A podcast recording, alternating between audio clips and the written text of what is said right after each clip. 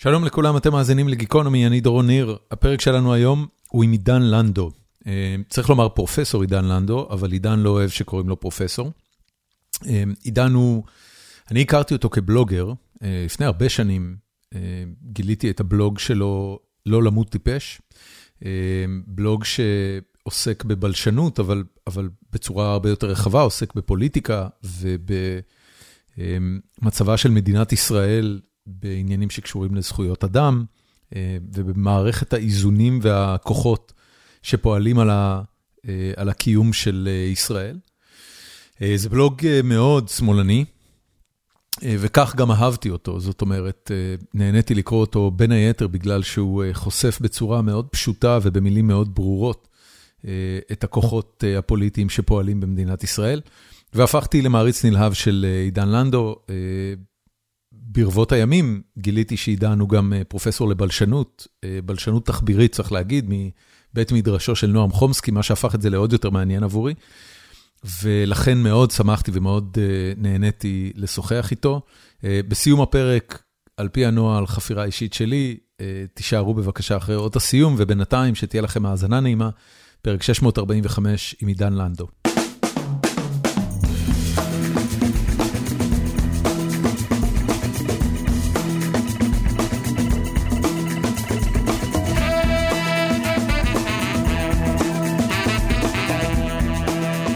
חוץ מהרקע של הזום שלך, שזה נראה כמו הספרייה של הוגוורטס. אני השנה באנגליה, באוקספורד, בשכן נראה כמו הוגוורטס. רגע, אז הרקע הזה זה הספרייה, זה ספרייה באוקספורד? אני חושב שבחיפוש גוגל שעשיתי, המילה אוקספורד הייתה, חיפשתי ספריות של אוקספורד או חנויות ספרים, אני כבר לא זוכר, וזו הייתה תמונה שמשכה אותי, אז... לקחתי אותה כרקע. מאוד יפה, מאוד מאוד יפה. זה גם, כן, זה זה קצת נותן איזושהי מראית עין כוזבת שאני כל הזמן ספון פה בספריי. לגמרי, לגמרי. זה הרקע שאתה רוצה בתור אקדמאי בשליחות לאנגליה. זהו, אז זה אמור להיות מה שאני עושה בשבתון, אבל... כמה חודשים אתה כבר שם?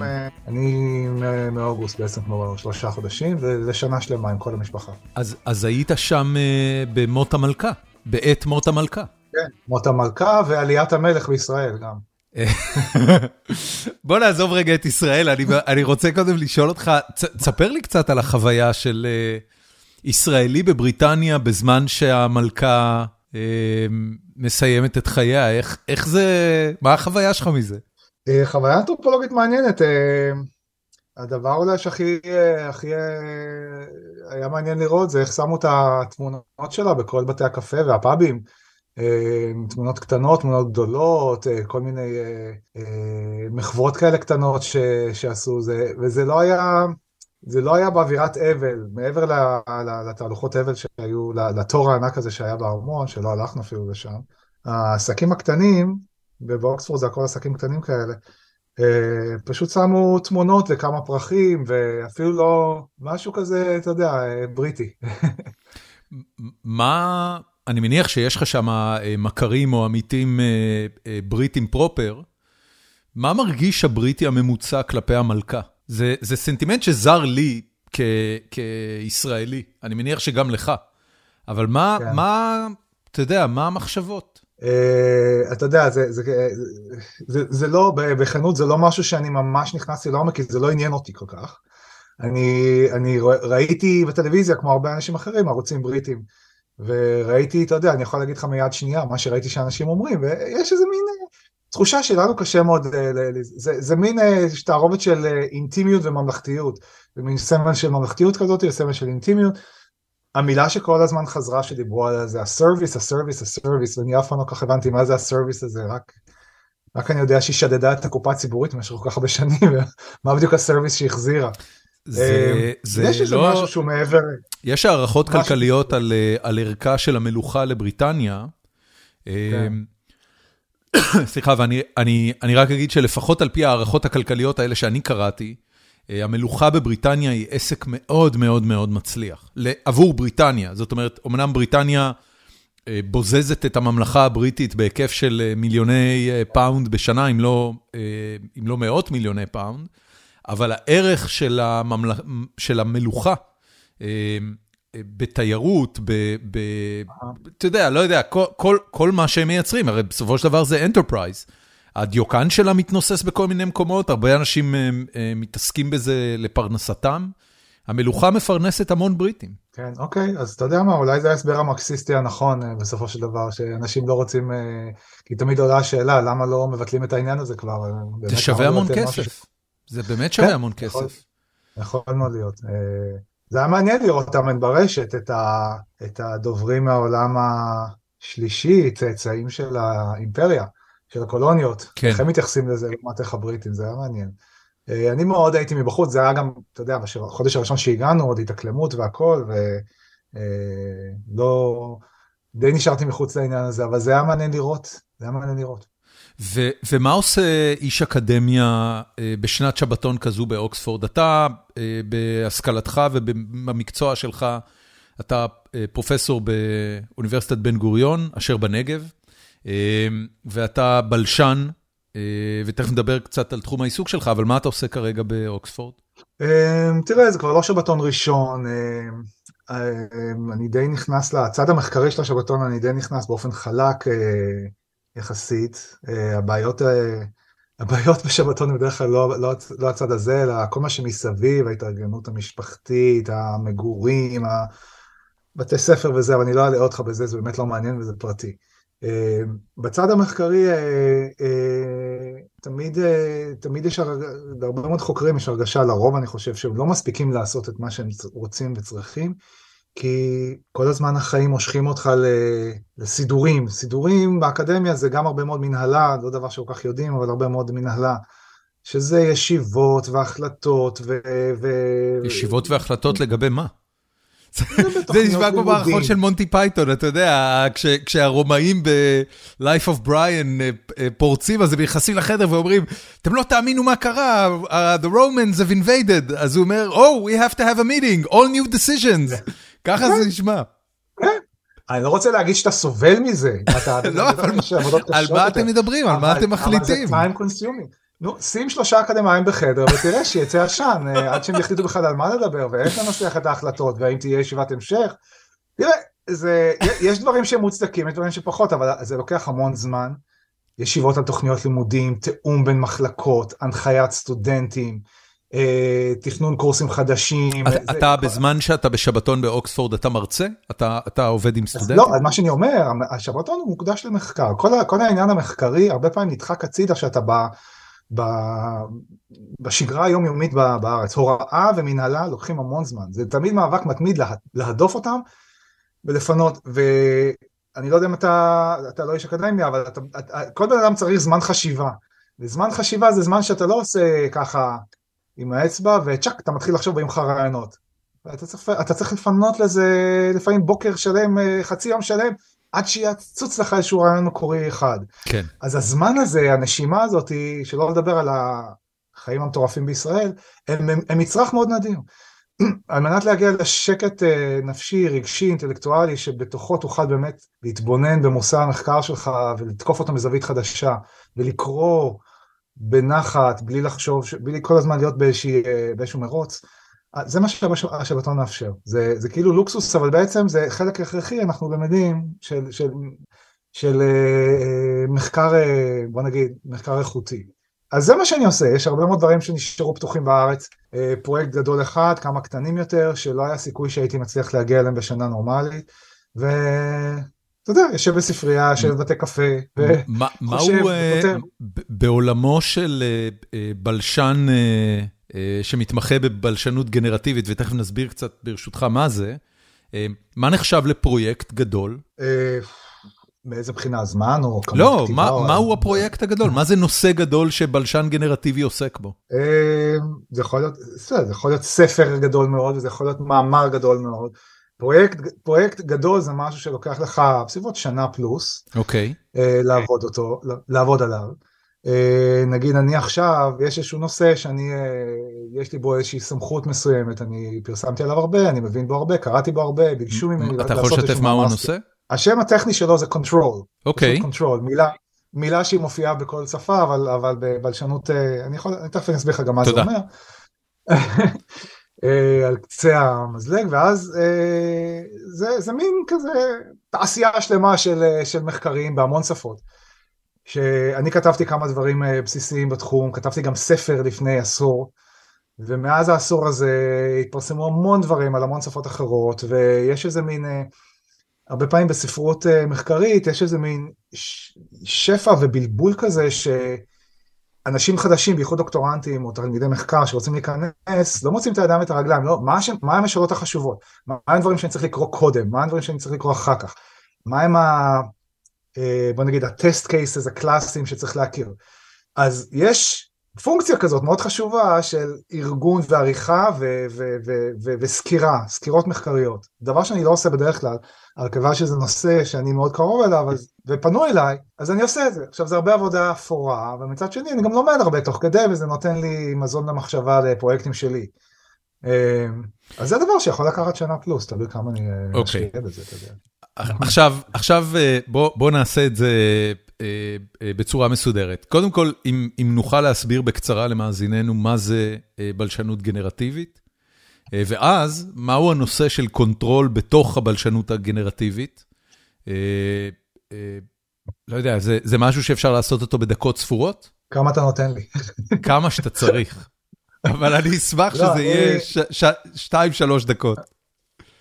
אני לא חושב שאני אצליח בשתיים שלוש דקות להגיע ל control בכלל. אוקיי. אה, אולי בחמש דקות אולי. יאללה חמש, זורם איתך.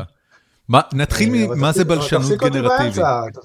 תפסיק אותי באמצע זאת אומרת. אם אני ארגיש שמשעמם לי אני אפסיק אותך אבל בינתיים לא משעמם לי אז הכל בסדר. לא, אותי זה יעניין דווקא אני לא יודע למה זה ישעמם אותך אבל בסדר אנחנו ננסה. יאללה.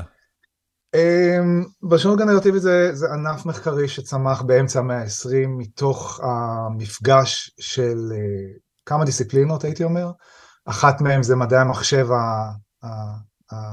המניצים, מה שיצא מהעבודה של טיורינג באמצע המאה ה-20, uh, אה, השנייה זה פילוסופיית הלשון, מה שיצא מהעבודה של ויטגנשטיין וגם פילוסופים בריטים אחרים, והשלישית זה פסיכולוגיה קוגניטיבית, אה, שגם התחילה לצמוח באותו... במוקד של כל ההתפתחויות האלה ניצב אה, בחור צעיר ומבריק מפנסילבניה שקראו לו נועם חומסקי שכולם מכירים והוא עשה באמת את הדוקטורט שלו אה, מתוך השפעה של כל הדיסציפלינות האלה. למרות שהוא התחיל בבלשנות הוא מהר מאוד פתח את, ה, את התחום הזה, תחום שהיה די סגור וטכני לכל ענפי ידע האלה שדיברת עליהם. זאת אומרת, הוא התחיל לשאול שאלות מאוד יסודיות שלא נשאלו קודם בפשוט. לדוגמה, מה מיוחד לשפה האנושית? למה היא שונה ממערכות תקשורת אחרות? אמ, מה הדמיון בין שפה אנושית לשפה פורמלית, שפת, שפות מחשבים? מה השוני ביניהם? התחיל לשאול שאלות מאוד מאוד בסיסיות. ההתמחות, התחום שעניין אותו הכי הרבה באמת בתוך הבלשנות היה תחביר.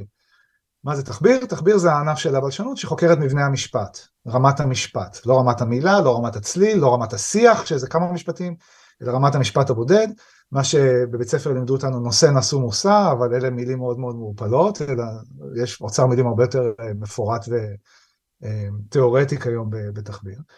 והוא התחיל בתחביר אה, מכל מיני סיבות, אחת, קודם כל זה הכי עניין אותו, אבל מה שרואים בתחביר די, די בקלות זה השפע האינסופית של השפה, היכולת שלנו לייצר משפטים חדשים כל הזמן, שלא שמענו אותם קודם, היכולת שלנו להבין משפטים שלא שמענו, היצירתיות הזאת, זה דבר מאוד מאוד מרתק, כשאתה חושב על זה מנקודת מבט של אה, מנגנון מנטלי, והוא שאל מה זה המנגנון המנטלי הזה שמאפשר לנו יצירת, יצירה אינסופית כזאת של... אה, אה, עד אותו רגע ענף הבלשנות לא התעסק בכלל בסוגיות האלה? שאלת האינסוף הזאת לא עלתה בכלל לדיון. חומסקי היה תלמיד בתוך אסכולה שהייתה דומיננטית בשנות החמישים בארצות הברית שנקראת הסטרוקטורליזם. הסטרוקטורליזם זה קצת, זה קצת מבלבל, לא ניכנס פה יותר מדי להבחנות, האירופאי והאמריקאי הם מאוד שונים, האמריקאי בעצם זה היה גישה אה, מאוד אמפיריציסטית, מאוד מבוססת דאטה לניתוח אה, שפות. אוקיי. Okay. היא צמחה מאנתרופולוגיה, היא צמחה ממחקרים אתנוגרפיים על אה, קהילות אינדיאניות באמריקה. אוקיי. Okay. ניסוי למפות את כל השפות האלה. ולא היו בכלל שאלות ש, שבאו במגע עם פסיכולוגיה, ההפך, היה איזה מין גישה אנטי פסיכולוגית, אנטי מנטליסטית, גישה בהביוריסטית, גישה שאמרה תיצמד לעובדות, גישה פוזיטיביסטית כזאת, תיצמד למה שאתה שומע, לקורפוס שאתה מקליט, ואסור לך, אני אתן לך דוגמה קטנה של מתודולוגיה, היום בלשנים רבים, על מנת לדעת מה, מה אפשרי בשפה, מה לא אפשרי בשפה, מתייעצים או עם עצמם או עם אנשים שדוברים את השפה, ושואלים אותם, תגיד, את זה אפשר להגיד, את זה אי אפשר להגיד, אפשר להגיד את זה ככה, אם אני משנה את, המילה, את המשפט בצורה כזאת. זאת אומרת, מתעסקים בנכון ובלא נכון. באפשרי ובלא אפשרי, זה, זה okay. אוקיי. הדגש. Okay. אוקיי. ש, שזה נשמע קצת כמו... שחומסקי, כשחומסקי התחיל לפעול, זה היה סוג של טאבו. היית אמור להיצמד רק לפוזיטיבי, רק למה שאתה שומע. אתה יוצא עם מכשיר הקלטה לאמזונס, אתה מקליט אותם, סוגר את המכשיר, חוזר למשרד, זהו. זה הקורפוס. אתה לא יכול לשאול אף אחד, אפשר ככה, אפשר אחרת. אתה בטח לא יכול לשאול משהו על מה בלתי אפשרי, כן? אתה כדובר עברית, אם אני אומר, אני אומר לך, תגיד, משפט כמו אה, חתולים חמישה לגובה, זה משפט? תגיד לי, זה לא משפט. אוקיי? אז אני יכול לסמן את זה כנקודת... זה, uh... זה, זה נשמע מאוד דומה לאיך שאנחנו למדנו uh, לשון, מה שקראו לו לימודי לשון, uh, ביסודי ותיכון, שזה בעצם כל הזמן ההתעסקות ב... יש כללים לשפה, uh, במקרה שלנו עברית, יש את האקדמיה ללשון העברית, uh, האקדמיה ללשון העברית היא הגוף uh, שיש לו את... הוא הסמכות העליונה לגבי מה לא נכון ונכון בשפה העברית. ואנחנו לומדים את הכללים, ואנחנו מצייתים להם, ובונים משפטים ומפרקים אותם על פי אותם כן, כללים. אתה, אתה, אתה מבין שזה לגמרי לא מה שקורה בפועל. אתה... זה לא קורה בשפה, לא... אני רק אומר, ככה מלמדים, ככה מלמדים לשון. כן, אבל אם אתה שואל את עצמך, הידיעה הלשונית שלי, שלך כדורון, שמנחה את הדיבור הספונטני שלי, האם היא נובעת מידיעת הכללים של האקדמיה? רוב האנשים לא שמעו על האקדמיה, לא שמעו, לא למדו את הכללים שלה, ו- ו- ובטח בגיל 6 אתה כבר מדבר שפה, אתה לא יודע כלום על הכללים האלה. אז יש, okay. אוקיי. יש כללים אחרים בראש שלך. משהו בראש שלך מנחה את הדיבור שלך, הרי הדיבור של ילדים הוא לא רנדומלי, הם עושים טעויות לפעמים, והטעויות האלה מאוד מאוד אה, מצומצמות. נכון. והם לא עושים טעויות רנדומליות. אז כשאתה חוקר שפה וגם התפתחות שפה, אתה שם לב שיש חוקיות שאנשים מצייתים לה, בלי שהם אף פעם הודרכו, אף הורה, אף מורה, ואז אתה שואל מאיפה החוקיות הזאת מגיעה. אוקיי? פה מתחילות כל מיני מלחמות בתוך הבלשנות. חומסקי אמר זה מגיע מאיזשהו בסיס אוניברסלי גנטי. גנטי, זאת לא, אומרת ב-DNA שלנו, לטענת חומסקי, או, או על פי התזה שלו, ב-DNA שלנו יש אה, מקטעים ש... שבהם מעוגנת היכולת שלנו לרכוש שפה או, כן, או לדבר? כן, יש, יש מקטעים שבהם, זה אנחנו כבר יודעים, שיש גנים ש, שאנחנו רואים את זה לפעמים גם בליקויים גנטיים שעוברים בשושלות משפחתיות, שיש ליקויי שפה, אנחנו כבר יודעים למקם את הגנים הספציפיים האלה, כמה מהם. אנחנו ממש לא יודעים אבל איך כל התהליך המסובך הזה של יצירת החלבונים ואזורי השפה במוח, את כל, כל הפרטים שלו, אנחנו גם יודעים שיש אזורים במוח שמאוד מאוד ספציפיים לשפה. אז יש בסיס ביולוגי, אה, חלקו גנטי, חלקו קשור להתפתחות מרכזי השפה במוח. כשחומסקי, אה, כשחומסקי הביא את זה בשנות ה-50 אה, וה-60, הבסיס הביולוגי כבר היה ידוע?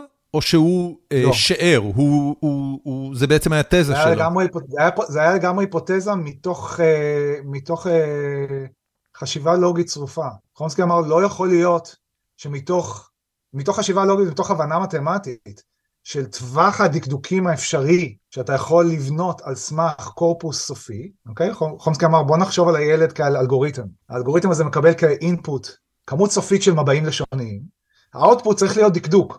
מה זה דקדוק?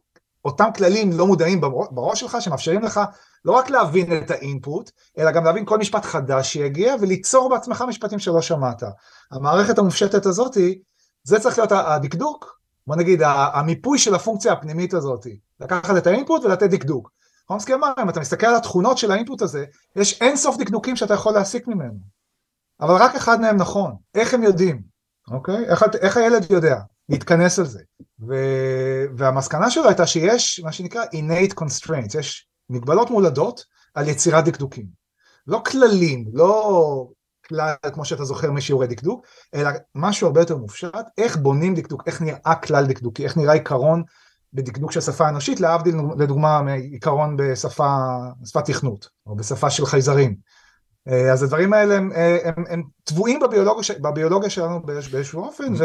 מתי גילו ביולוגית שהוא באמת צודק?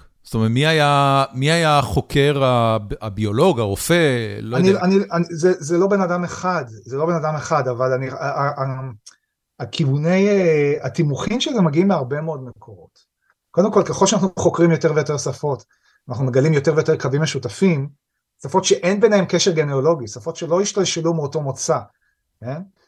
אנחנו מגלים את אותן תבניות שם, אז זה באמת יהיה מאוד מוזר שזה מקרי, אוקיי? נכון. אם אתה מוצא איזשהו עיקרון, אה, אה, עיקרון דקדוקי שמשותף להרבה מאוד שפות, ש, שלא קשורות ביניהם במוצא היסטורי.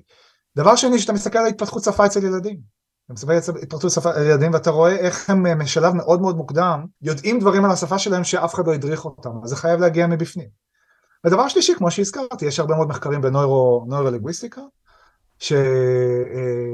שמזהים במוח שלנו, למרות שאם אתה אה, חושב רגע על, על, על, על הכיוון הזה, זיהוי של, של, של, של משהו שקורה במוח עם קורלציה אה, לשונית, לא בהכרח אומר שנולדת עם זה, יכול להיות שרכשת את זה וזה, המוח שלך התחוות לפי זה, כן? כן. אז על מנת להוכיח, אי אפשר להוכיח, אבל על מנת לתמוך בהשערה שיש דברים שהם היו שם מראש, צריך להסתכל על גילאים מאוד מוקדמים, צריך להסתכל על uh, טיפולוגיה של שפות השוואה, וככה אתה מגיע למסקנה הזאת. חייב לציין שזה לא, יש, יש אנשים שחולקים על זה, יש אנשים שחושבים ש...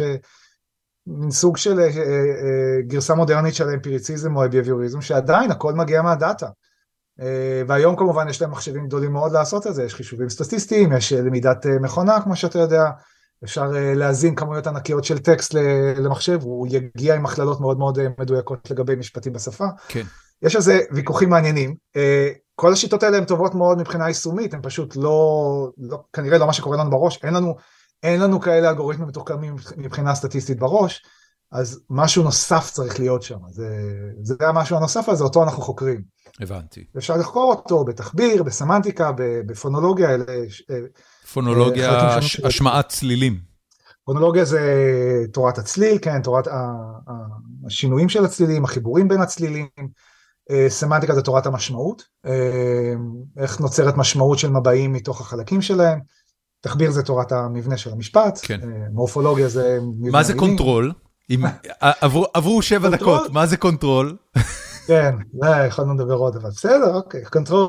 לא, זה, אני חושב שזו הייתה סקירה יחסית אה, נכונה. יש לי עוד כל כך הרבה שאלות, אבל, אבל, אבל אני רוצה בכוונה לסגור את ה loop על control, ואז אה, נצלול קצת יותר לעומק. כן, control אה, זה יחס רפרנציאלי. קודם כל אני צריך להגיד מה זה יחס רפרנציאלי. יחס רפרנציאלי זה יחס בין רפרנס של שני שמות עצם, בוא נגיד, במשפט.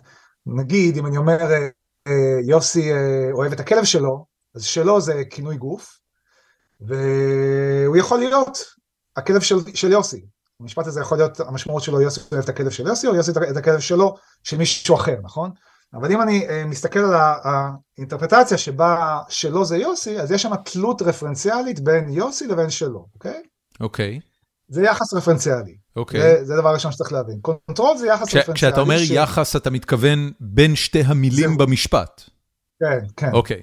זאת אומרת, שתי המילים במשפט, יש ביניהם יחס שמפנה מאחד לשני. השלו מפנה ליוסי. הייתי אומר לא, שתיהן מפנות לאותו אובייקט בעולם.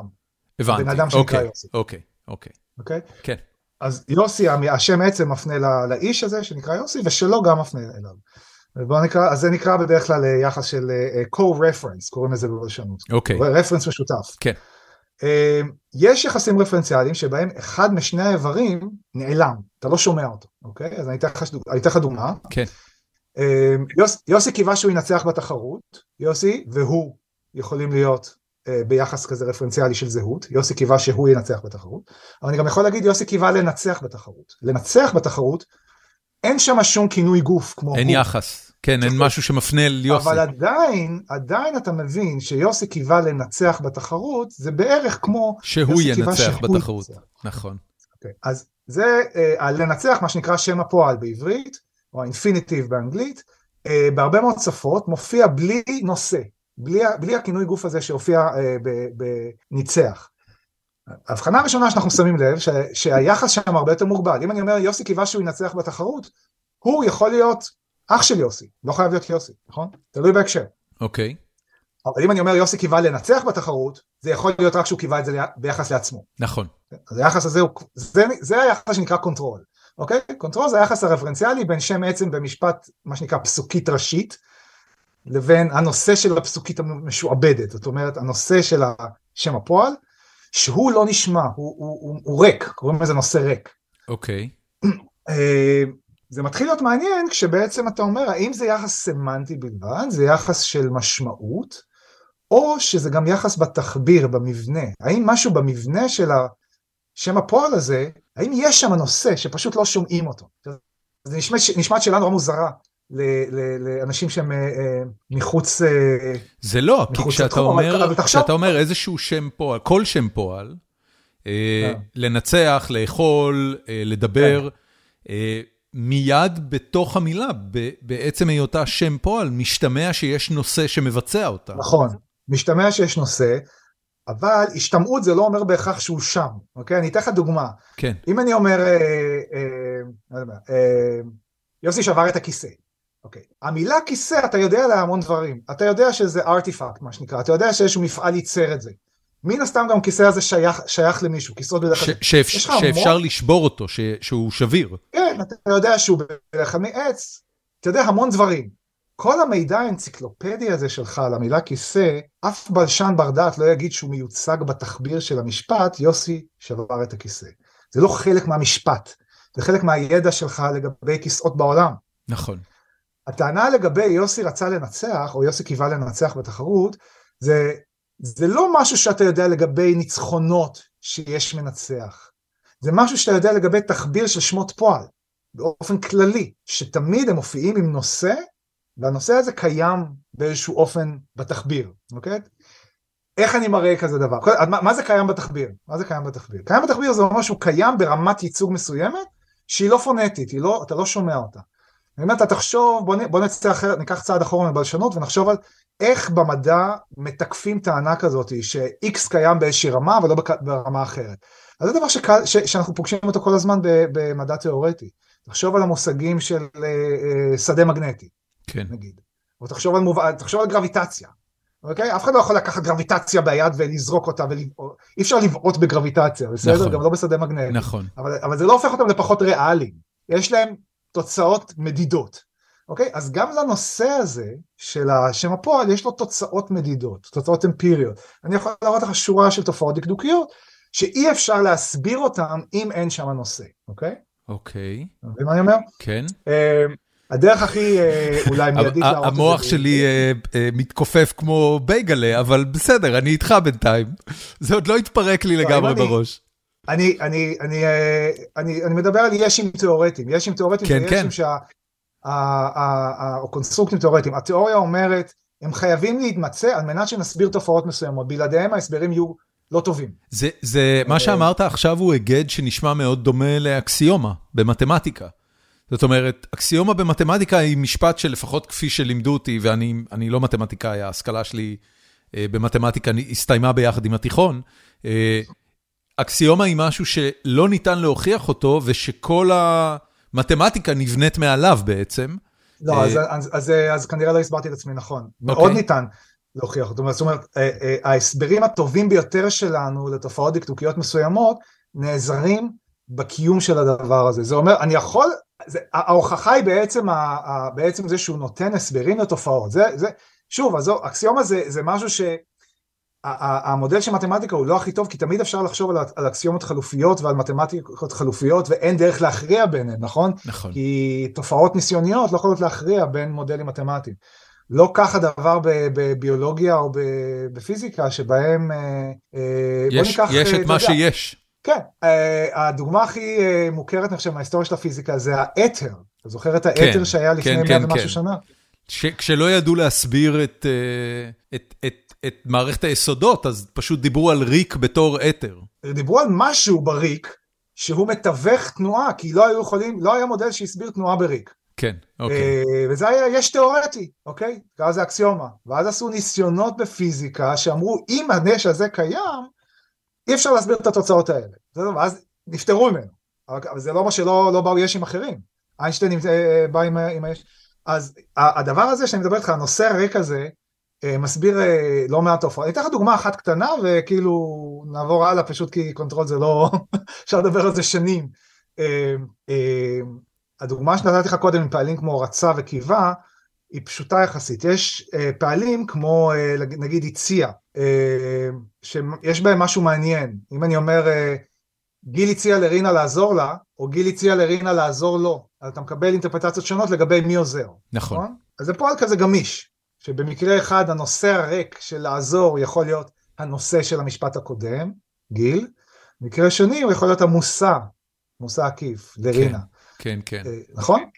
יש, יש את הבדיחה המפורסמת על זה שאם אני תוקע לך אצבע בעין, אז לשנינו יש אצבע בעין, אבל מצבך כן. משמעותית גרוע יותר. נכון, נכון מאוד. כן, זה דומה, זה דומה. אז זה, זה, זה מין מצבים כאלה דו-משמעיים. אה, מה שיותר מעניין זה שיש מצבים שבהם אני יכול לקבל control משותף כזה. זאת אומרת, אם אני אומר, אה, גיל הציע לרינה ללכת לקולנוע, מאוד יכול להיות שהוא הציע ששניהם ילכו לקולנוע. כן. אוקיי? אוקיי? עכשיו אתה מבין שהנושא הריק הוא לא גיל ולא רינה, אלא הוא משהו שמורכב משניהם. נכון. זה עדיין לא מוכיח שהוא שם, אבל עכשיו אני אראה לך איך אני יודע שהוא שם. תיקח אלמנטים בעברית כמו אה, זה לזה או זה את זה, זה נקרא ביטויים הדדיים, אוקיי? Okay? כן. גיל ורינה עזרו זה לזה, גיל ורינה אוהבים זה את זה. אה, הביטויים האלה צריכים נושא ב- בריבוי. גיל ורינה זה נושא בריבוי. אתה לא יכול להגיד גיל עזר, גיל עזר זה לזה. נכון. או גיל אוהב זה את זה. זה צריך נכון. שיהיה איזושהי קבוצה. נכון. נכון? כדי שיהיו בפרטים, כדי שבין הפרטים יהיה יחס. כן, שיהיה יחס הדדי כזה. והדבר הזה גם לא יכול להיות אה, אה, משהו, אה, בוא נגיד, אימפליציטי, איך אני אגיד את זה בעברית? אימפליציט. משתמע?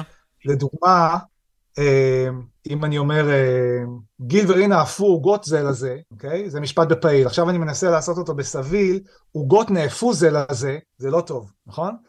כן. אפילו אם אתה יודע שיש קבוצה שעפתה את העוגות, כי זה סביל, וסביל תמיד משתמע ממנו שהיה פועל, נניח שהפועל הזה זה קבוצה של אנשים, עוגות נאפו זה לזה, זה לא טוב. נכון, כי העוגות לא עופות אחת את לא השנייה. מספיק, לא מספיק להסיק שיש נושא מרובה, הוא צריך להיות בתחביר, צריך לראות אותו. אבל שים לב, אני חוזר לקונטרול, אני כן יכול להגיד, גיל הציע לרינה לעזור זה לזה. אוקיי. Okay. עכשיו אני שואל אותך, איפה הנושא המרובה הזה שהזה לזה דורש על מנת אה, להופיע במשפט? גיל הוא לא נושא מרובה, רינה זה לא נושא מרובה, אבל, מה שאתה מבין במשפט, מה שאני מבין ש... בדיוק זה שפעולת העזרה, זה שזה הנושא של, הש... כן. של שם הפועל, זה נכון. גיל הציע לרינה שהם יעזרו, זה, זה, זה מה שאתה מבין. אז מה שאני טוען זה ההם הזה, בדיוק, בדיוק כמו שהוא מופיע במשפט עם גיל הציע לרינה שהם יעזרו זה לזה, הוא מופיע גם במשפט עם השם פועל. גיל הציע לרינה לעזור זה לזה, אבל אתה לא שומע אותו, ובגלל שהוא שם, אז זה לזה הזה יכול, אה, אה, סליחה. מה קרה? לא יודע, היה פה איזה טלפון. אה, הנה, אני אוקיי. מכבה אותו. בסדר. בפאנצ' ליין של הטיעון. הפאנצ' ליין של הטיעון אומר, יש אלמנטים שדורשים אה, אלמנט שירשה אותם, כמו נושא מרובה, ואם הם מופיעים בתוך שם פועל, חייב להיות לו נושא מרובה על מנת שהם יופיעו שם באופן תקין. זה היה הארגומנט. אוקיי. אני רוצה רגע לקחת אה, אה, צעד החוצה מכל, הס... מכל הדיון על, על בלשנות ועל control, ורק לשאול כי ל, לאנשים שעובדים לפרנסתם בהייטק כמוני, uh, סוגיית הבלשנות אה, נשמעת, סליחה על הביטוי, כמו לופטגעשעפט, אה, עסקי רוח. שלא לגמרי ברור איפה הדבר הזה פוגש את החיים היומיומיים שלנו, מלבד בספרות ובשפה. אז אני, אני רק אשאל אותך, במה ההבנה לגבי אה, אה, התזה של נועם חומסקי, שהוכחה לאורך השנים, ו, והיום בלשנים ברחבי העולם אה, בונים ומפתחים אותה, במה היא מועילה לחיינו? איפה אנחנו פוגשים אותה ביומיום שלנו? אה, זו שאלה לגיטימית, אך מעצבנת, אתה יודע, אני אתייחס אליה. אני מתנצל. לא רק ביחס לבלשנות. אני מתנצל, אבל היא באמת מסקרנת אותי. תראה, אני נורא נהנה מהפן האינטלקטואלי של מה שאנחנו מדברים עליו. אבל אני אומר לעצמי, אוקיי, זה משהו ש... לגיטימית לגמרי, אני פשוט, אני אומר, היא מעצבנת, היא מעצבנת ביחס להרבה מאוד תחומים אחרים, אנחנו יודעים ש... מדעי הרוח, מדעי החברה, המדעי, המקצועות ההומניים נמצאים תחת מתקפה בלתי פוסקת של השוק. נכון. במה אתם מועילים לחיים, וזה מתבטא בתת תקצוב, וזה מתבטא בדימוי נמוך, זה, מהמקום הזה אני מתנגד. אני לא חושב שהדיסציפלינות האלה צריכות להצדיק את קיומן בתועלת כלשהי, אני חושב שיש להן תועלת אינהרנטית. במובן של נפש האדם והצרכים האינטלקטואליים שלו, אנחנו לא רק רוצים אה, להרוויח כסף. זה, או, זה נשמע אה, כמו לעשות. תועלת דומה לתועלת של אומנות.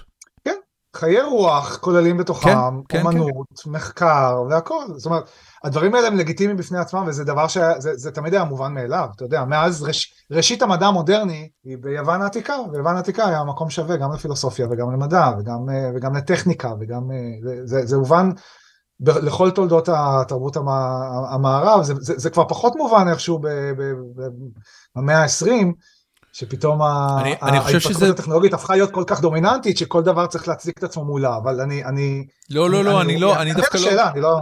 אה, אוקיי, אני אתן לך לענות, ואחרי זה אני אגיד לך... אה, אוקיי, אני אגיד לך עוד משהו על זה אחר כך. אה, באמת יש, יש, יש מפגשים מסוימים בין בלשנות תיאורטית, מלבד העניין הזה שבאמת יש ערך להבין את הדבר המורכב הזה, שפה, כן. להבין במה שפות דומות שונות, במה שפות שונות או דומות זו לזו. המחקר הבלשני עצמו יש לו כל מיני תועלות משניות. בואו נתחיל בתוך, דו, דווקא מבחינת השפות עצמם. עצם המחקר על שפות, בייחוד על שפות שהן לפני הכחדה, יש בו תועלת תרבותית עצומה. לפעמים המחקר הזה עוצר או מאט את ההכחדה, אוקיי? יש קהילות שהשפות שלהן נמצאות בסכנה.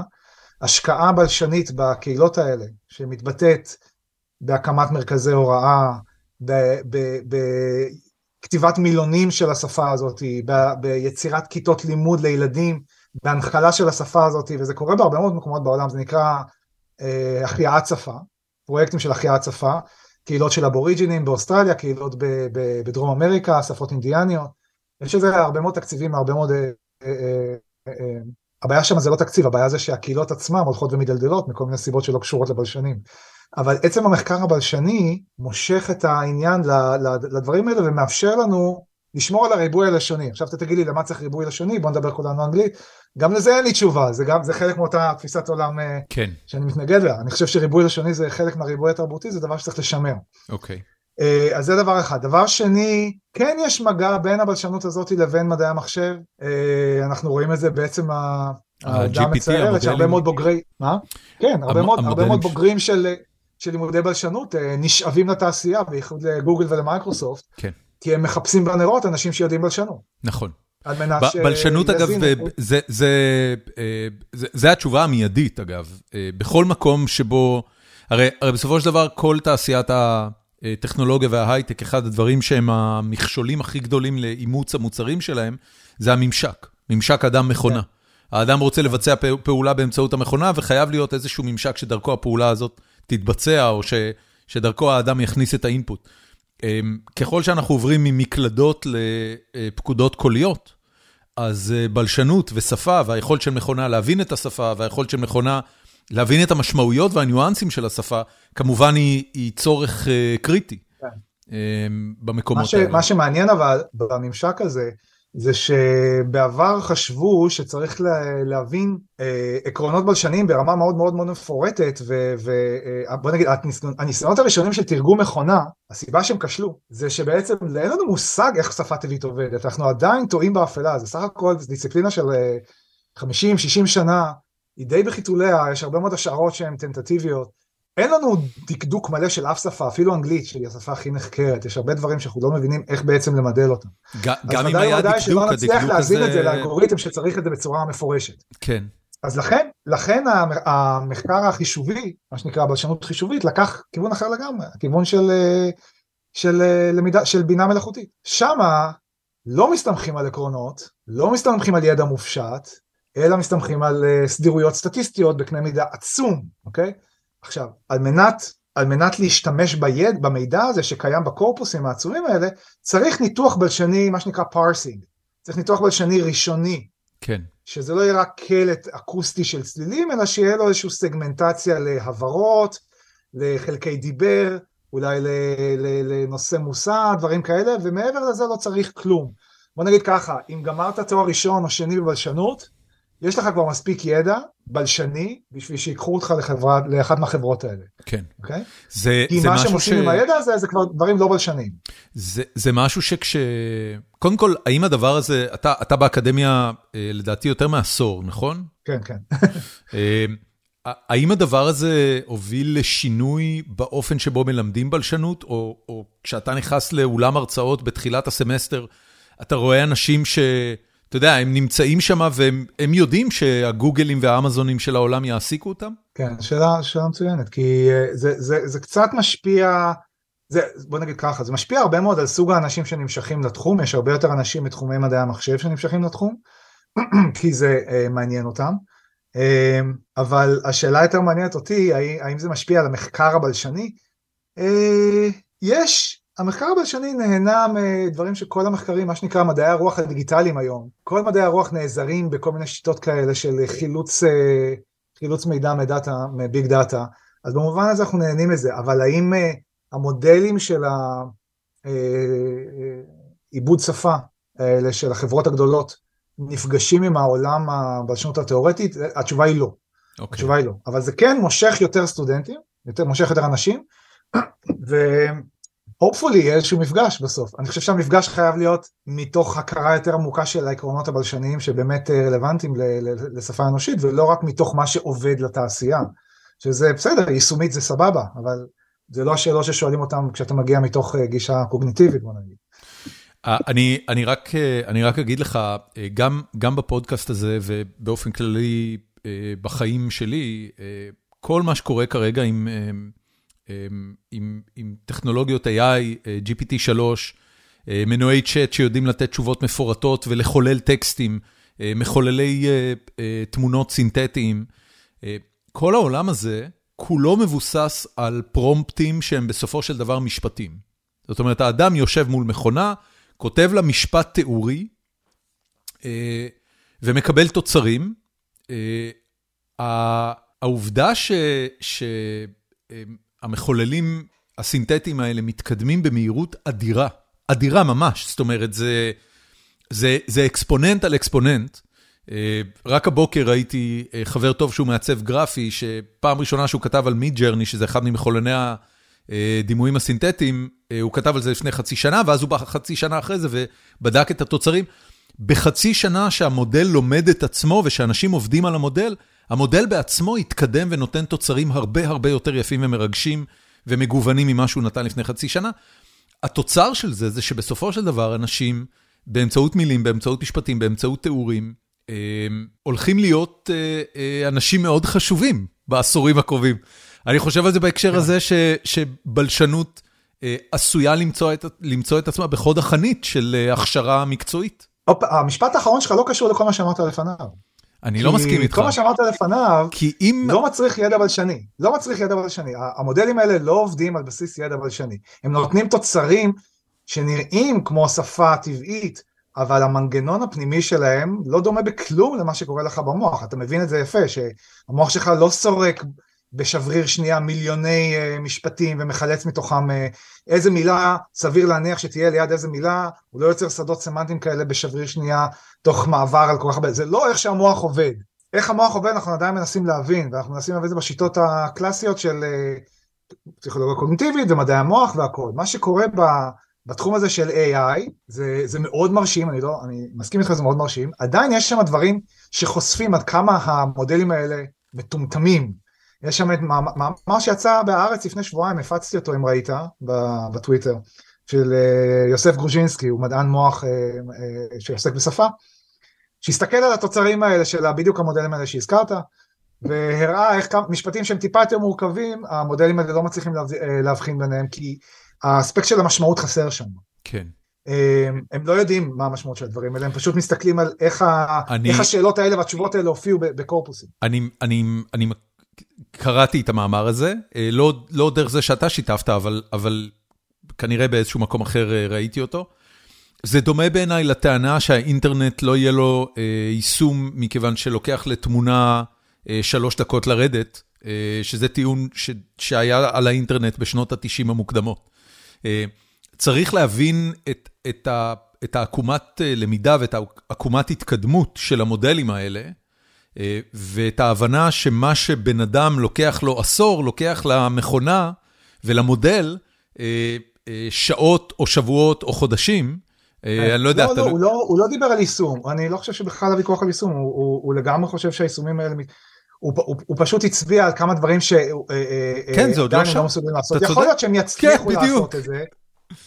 יכול להיות שהם יצליחו לעשות את זה, אני בטוח שיהיו דברים אחרים שהם עדיין לא יצליחו, כן. אבל זה לא משנה, זה כבר יהיה באחוזון העליון. נכון. השאלה נכון, היותר נכון. מהותית בעיניי, זה כמו השאלה לגבי Deep Blue וג- וקספרוב, מי משחק שחמט יותר טוב? שאלה מטומטמת, השאלה, לפי מה אתה מודד? לפי התוצאות? Deep Blue. לפי, האם אתה רוצה לדעת איך באמת פועל מוח של שחקן שחמט, אז Deep Blue לא מגלה לך שום דבר, כי הוא לא עובד כמו אה, שחקן שחמט. אז אם אתה מקווה שבלשנות תהנה מהפירות של, ה, של הדברים האלה, אני כבר יכול להגיד לך, אנחנו לא כל כך נהנים מזה. זה, זה, הם כבר הישגים מדהימים, ואין אינטראקציה, והסיבה שאין אינטראקציה זה שהם עקרונות הפעולה של המודלים האלה, ועקרונות הפעולה של הדקדוק האנושי המנטלי, אין ביניהם שום קשר, הבנתי. וימשיך לא להיות ביניהם קשר, אוקיי? זה לא בעיה לאף אחד. אני לא מציג את זה כבעיה, אני אומר, זה פשוט לא יהיה פה מפגש. אני, אה, אני אשאל אותך שאלה נוספת על, על, על מקצוע הבלשנות או מדע הבלשנות. אמ, אחד, אחד הדברים, שוב, זה, זה ממש קרה ב-24 שעות האחרונות, אז זה, זה, זה, זה פוצץ לי את המוח. אמ, מדענים הצליחו לבנות חור תולעת אה, במעבדה, אה, או לפחות זה המאמר שפורסם, ו, ועם כל הסייגים המתבקשים. אה, התוצאה של הדבר הזה היא ש... אמ, ייתכן שאנחנו מתקדמים להוכחה מדעית על מה שעד עכשיו סברו שהוא התיאוריה שתסביר את, את, את כל מהותו של היקום. אני אשאל אותך מה, מה, מהצד הזה של בלשנות, האם יש איזושהי תגלית אה, אה, או מחקר ש, שהוא גולת הכותרת של ענף הבלשנות, שברגע שיפצחו אותו, אז תהיה איזושהי ולידציה משמעותית למקצוע כולו ולכל מה שמנסים לגלות בו? אמ, אני חושב שצריך להיות אופטימי שיתגלה כזה דבר במוח. אמ, אני מנסה לעקוב אחרי מה שעושים במחקרים, אה, מחקרי שפה אה, אה, נוירולוגיים. אמ, יש שם המון רעש, אבל גם יש בשנים האחרונות התמקדות על אזורים סופר ספציפיים, וכבר יש טענות שמזהים אזורים שמסוגלים לעשות פעולות דקדוקיות מסוימות ולא אחרות. אני מקווה שתהיה איזושהי הערה מהמקום ההוא, זאת אומרת איזושה, איזשהו אה, זיהוי, ואגב, חלק גדול, חלק גדול צריך לשלב פה עוד דיון, הדיון האבולוציוני, כן. מה, מה מיוחד בנו. כן. כי כשאתה מסתכל על המוח האנושי והמוח של פרימטים אחרים, אתה לא רואה הרבה הבדלים, אתה רואה הבדלים כמותיים, לא איכותיים. אז תמיד השאלה, ובכל זאת שפה זה משהו שאין להם ואין שום דבר שמתקרב לזה, יש להם מערכת מאוד מאוד פרימיטיבית של קריאות, היא, היא מערכת סופית, היא לא... איפה זה בדיוק נמצא במוח, או מה הנתיב המוחי ש, ש, שמאפיין את היכולת האנושית שכל כך... שזה יימצא, אולי זה יהיה סוג של גזעת זהב, למרות שאני לא, אני לא חושב שזה יעשה בשבילנו את כל העבודה, עדיין נצטרך לעבוד שפה שפה, לעשות את העבודה האפורה, ולתאר אותה, ולדבר עם הדוברים שלה, על מנת להבין מה, מה בדיוק השימושים השונים של כל מיני צורות, אבל על מנת להבין את הליבה המשותפת הזאת של כל השפות, אין לנו עדיין הבנה, זה, זה, זה מבוזר מאוד. זאת אומרת, okay. אה, ההבנה של, של שפה במוח, אני חושב, נמצאת קצת מאחורי הבנה של מנגנונים אחרים, כמו מוטוריקה וראייה, ש, שאנחנו מבינים הרבה יותר. כן, אוקיי. Okay. יש, יש מישהו שאתה מסתכל היום על העבודה המחקרית שלו בהערצה גלויה? על הדברים שהוא... חשף, ו... ואני לא מדבר כמובן על נועם חומסקי, ש... שיבדל לחיים ארוכים. יש, יש לא מעט, אבל אני לא בטוח שהשמות שאני אזכיר פה בכלל, הם לא מוכרים מחוץ לבלשנות, זה לא שמות ש... שאנשים יכירו. סתם לזרוק שמות אני לא... אוקיי. Okay. יש, יש, יש לא מעט, כן. תן לי אחד, כי אני לא מכיר את ענף הבלשנות מספיק, ואז אה, לפחות שנדע על מישהו שהוא... אה, פורץ דרך בתחום הזה. שם של מישהו אחד, אני לא יודע אם פורץ דרך, אבל מישהו שהעבודה שלו מאוד השפיעה עליי. ריצ'רד קיין. אוקיי. שבמה גדולתו? לא, בוא נלך על ריצ'רד קיין, במה גדולתו? ריצ'רד קיין הוא בלשן אמריקאי שעבד הרבה מאוד על שפות הרומנס, דווקא על שפות אירופאיות בשנות ה-70, וגדולתו זה ביכולת למצוא דמיון בין דברים שונים לכאורה. הוא מהבלשנים האלה שעובדים על תופעות שנראות לא קשורות בכלל, ואז הוא אומר לך בוא נעמוד בפינה הזאת של החדר ונסתכל עליהם ומהזווית הזאת זה אותה תופעה בדיוק אוקיי? אז מין יכולת כזאת שיש גם למתמטיקאים לפעמים להסתכל על אה, שתי בעיות שונות ולהגיד הבעיה הזאת שקולה לבעיה הזאת אז הוא ככה הוא, הוא מסתכל על שפות הוא רואה דברים שונים לגמרי בשפות האלה והוא אומר בעצם זה אותו דבר אה, זה יכולת שאין אותה להרבה וגם לנמק את זה אני מנחש כן, וגם עם הרבה מאוד תשומת לב לפרטים ולווריאציות, אז זה יכולת, לא, לא בהכרח אני, אתה יודע, קונה כל אנליזה שלו, אבל היכולת הזו שמתבטאת בכל מה שהוא כותב, היא מאוד מעוררת קינה. לראות, לראות patterns בתוך, בתוך ים של, של, של נתונים. כן. כן. יפה. תגיד, אה, אה, היית בארץ אה, להצביע? לא, לא הייתי להצביע, בדיוק אחרי שיצאנו. כן. הבנתי, אוקיי. ואיך אתה אה, חווה את כל מה שקורה מאז הבחירות ברמת התקשורת, רשתות חברתיות, מה שאתה שומע מחברים ומשפחה?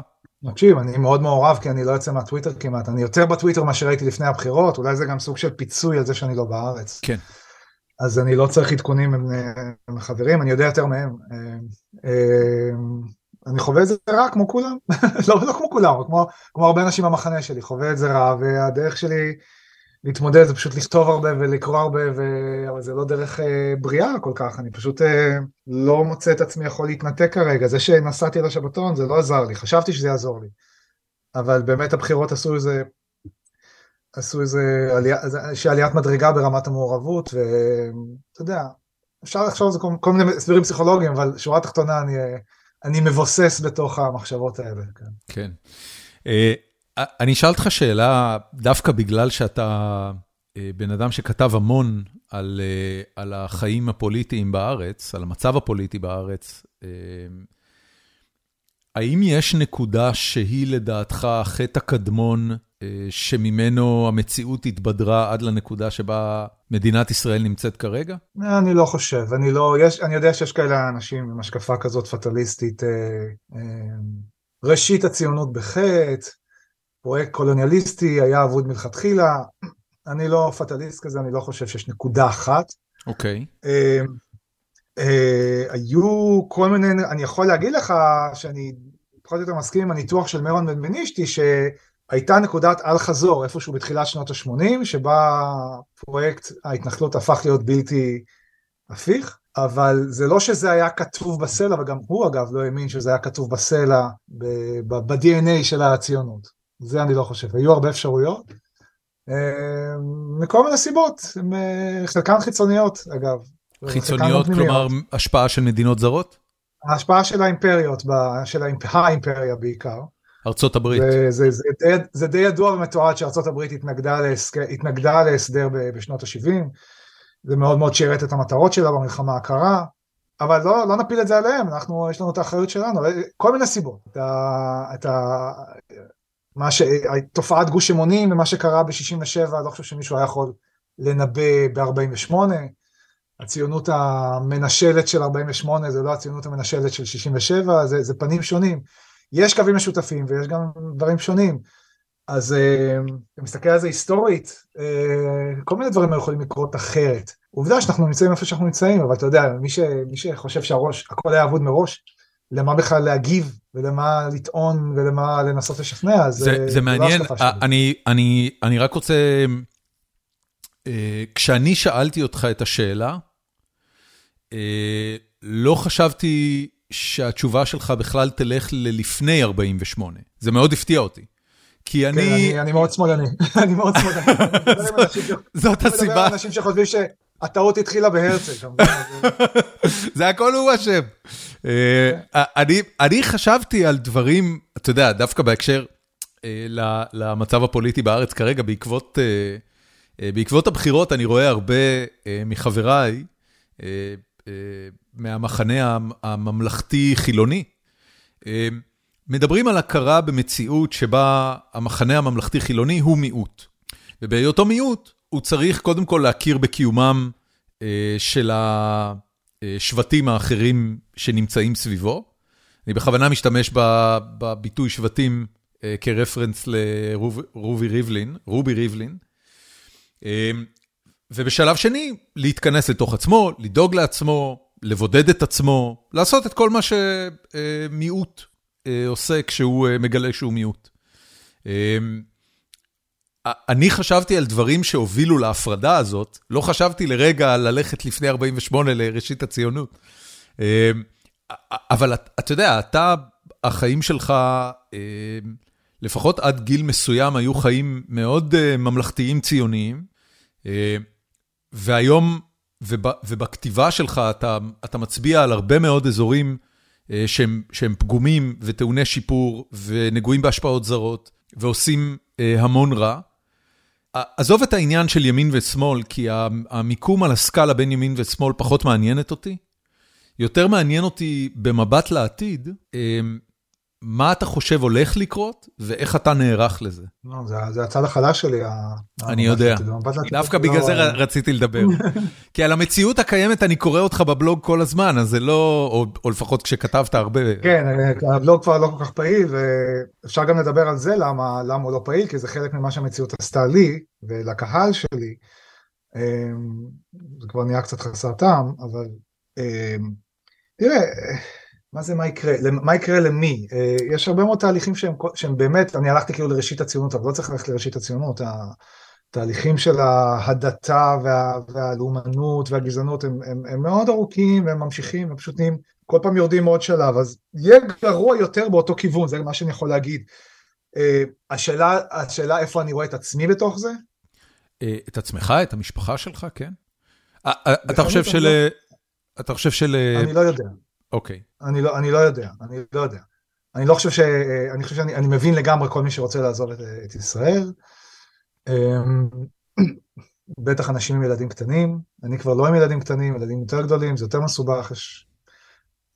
הגירה זה החלטה מאוד מורכבת שלא קשורה רק למצב הפוליטי, אז אצלי כרגע זה לגמרי בערפל, לא, זה, זה לא אופציה ממשית כרגע, זו אופציה שקיימת בדמיון, בתודעה, אבל זה לא אופציה ממשית בגלל כל מיני סיבות שלא לא קשורות לפוליטיקה. אם אני רק הייתי מבודד את זה ואומר, האם ישראל זה מדינה לבנות בת העתיד? לא חושב. אוקיי. Okay. לא חושב. זה לא אומר שאני חושב שהמצב לא יתהפך. הבעיה זה מתי הוא יתהפך. הדינמיקה שאנחנו רואים עכשיו, אפשר עוד לרדת הרבה. כאילו, אנחנו עדיין לא הונגריה. אפשר לרדת עד הונגריה, זה יכול לקחת... מה זה הונגריה ברפרנס הזה? הונגריה זה שאפילו עיתון כמו הארץ לא יכול להתקיים.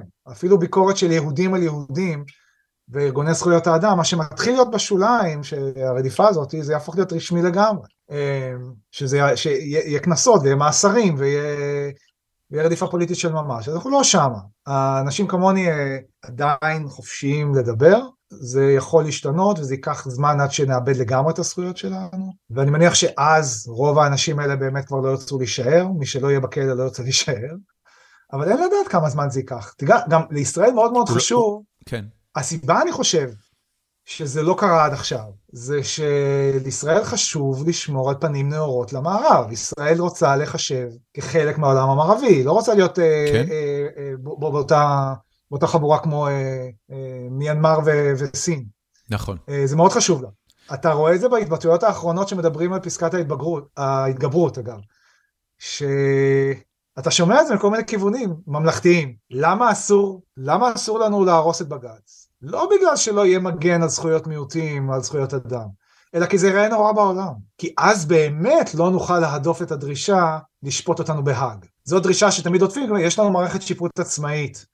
כן, אבל אם תהיה פסקת התגברות כבר לא כל כך תהיה עצמאית, זה כבר לא יהיה משכנע כל כך.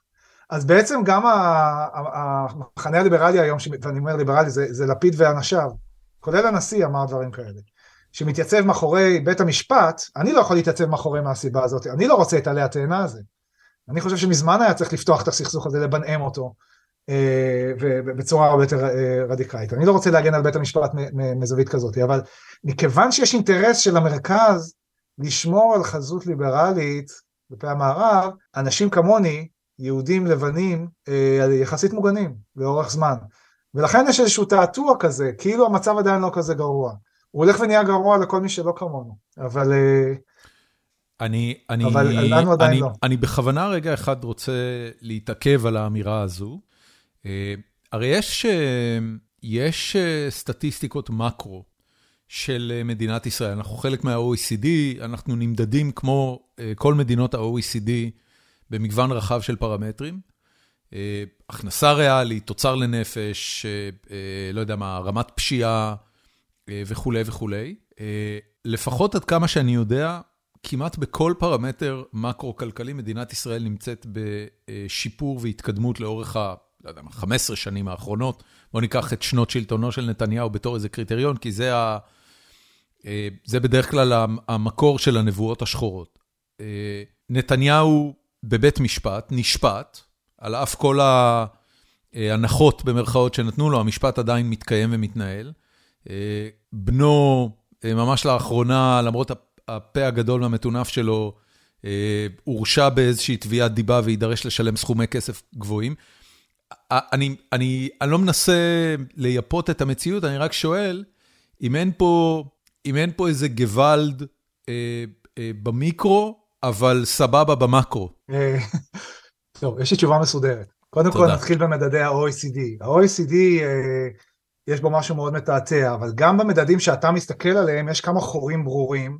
שניים לפ... לפחות אני אזכיר כרגע כי הם עלו לכותרות, אחד, אחד הוא תמידי, השני עלה לכותרות ב... ב... בתקופה האחרונה. התמידי זה השקעה בבריאות, ההשקעה בבריאות בישראל אה, אה, אה, נמוכה מאוד יחסית ל-OECD, ורואים את זה.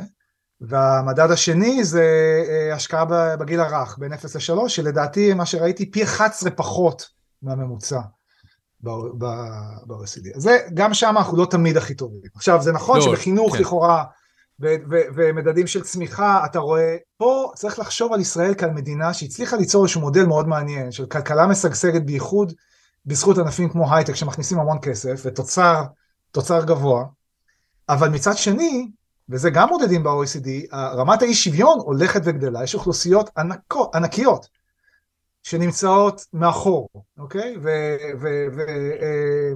ומאות אה, אלפי אה, אה, בני אדם מתחת לקו העוני, אוקיי? אחוז אה, ילדים מתחת לקו העוני מטורף, לדעתי משהו כמו בין, בין 30 ל-35 אחוז מהילדים מתחת לקו העוני. אז מה, מה שווה כל ההצלחה הזאת אם אה, נהנים מהפירות שלה מעטים מדי? המחיר של כל השגשוג הזה שאתה אומר שעידן נתניהו הביא איתו, זה נכון, הוא הביא שגשוג למגזרים מאוד אה, אה, רציניים, אבל המח... אה, שום חלחול לא היה פה, ההפך. המחיר של זה היה שיש מעמד עצום של נותני שירותים, כל מי שמגיע לנקות את המשרדים שם, וכל הקייטרינג שלהם, וכל מי שמסיע אותם לעבודה, וכל המדינה מוכוונת למגזרים שמכניסים הרבה מאוד כסף, אבל הם מכניסים הרבה מאוד כסף שנשאר במעגל די מצומצם, ובמקביל המדינה כל הזמן נסוגה מההתחייבויות האוניברסליות שלה, אוקיי? אז, אז, אז אתה רואה את זה ביישובים בדואיים, ואתה רואה את זה ביישובים ערביים, ואתה רואה את זה גם בכל מקום שיש בו עוני. אה, אז אותי זה לא מרשים כל כך המדדים האלה, כי בסופו של דבר אה, אנחנו על חבית נפץ, מי שגר בארץ יודע, מי שחי בארץ יודע, אנחנו על חבית חומר נפץ. ואתה יודע, אחד ההסברים באמת לעלייה של בן גביר, אני מאמין שיש בו משהו, ש... זה גם מצוקה כלכלית. שרוצים להדליק את הפתיל. מצוקה כלכלית, הוא פנה לפריפריה של מצוקה נכון. כלכלית, והציע להם איזשהו כבוד, כמו פופוליסטים בהרבה מקומות בעולם. כן. כמו לפן וכמו מי, טראמפ. מי פה בעל הבית? אה, בולסנרו, וכן, אה, זה, זה, זה, זה דבר ש, שהוא חלק מהשיטה. אני, אני רגע, אני רגע אשאל אותך, כי לי, אתה יודע, אני, אני, אה, אני מניח כמו רבים מחבריי, גדלתי בבית שהוא איפשהו על הסקאלה של אה, עבודה מרץ, אה, ולפחות במה שקשור לעניין הכלכלי-חברתי, ככל שהתקדמתי בחיי וראיתי מגוון רחב של מערכות ארגוניות, עברנו דרך צה"ל, עברנו דרך האקדמיה, עברנו דרך חברות ועסקים, פחות ופחות יש בי את התחושה שמדינה היא המנגנון הארגוני המוצלח ביותר לספק שירותים לאזרחים בתחומים מסוימים. אה, בביטחון כן, בריאות אני בכלל לא בטוח, חינוך אני בטוח שלא.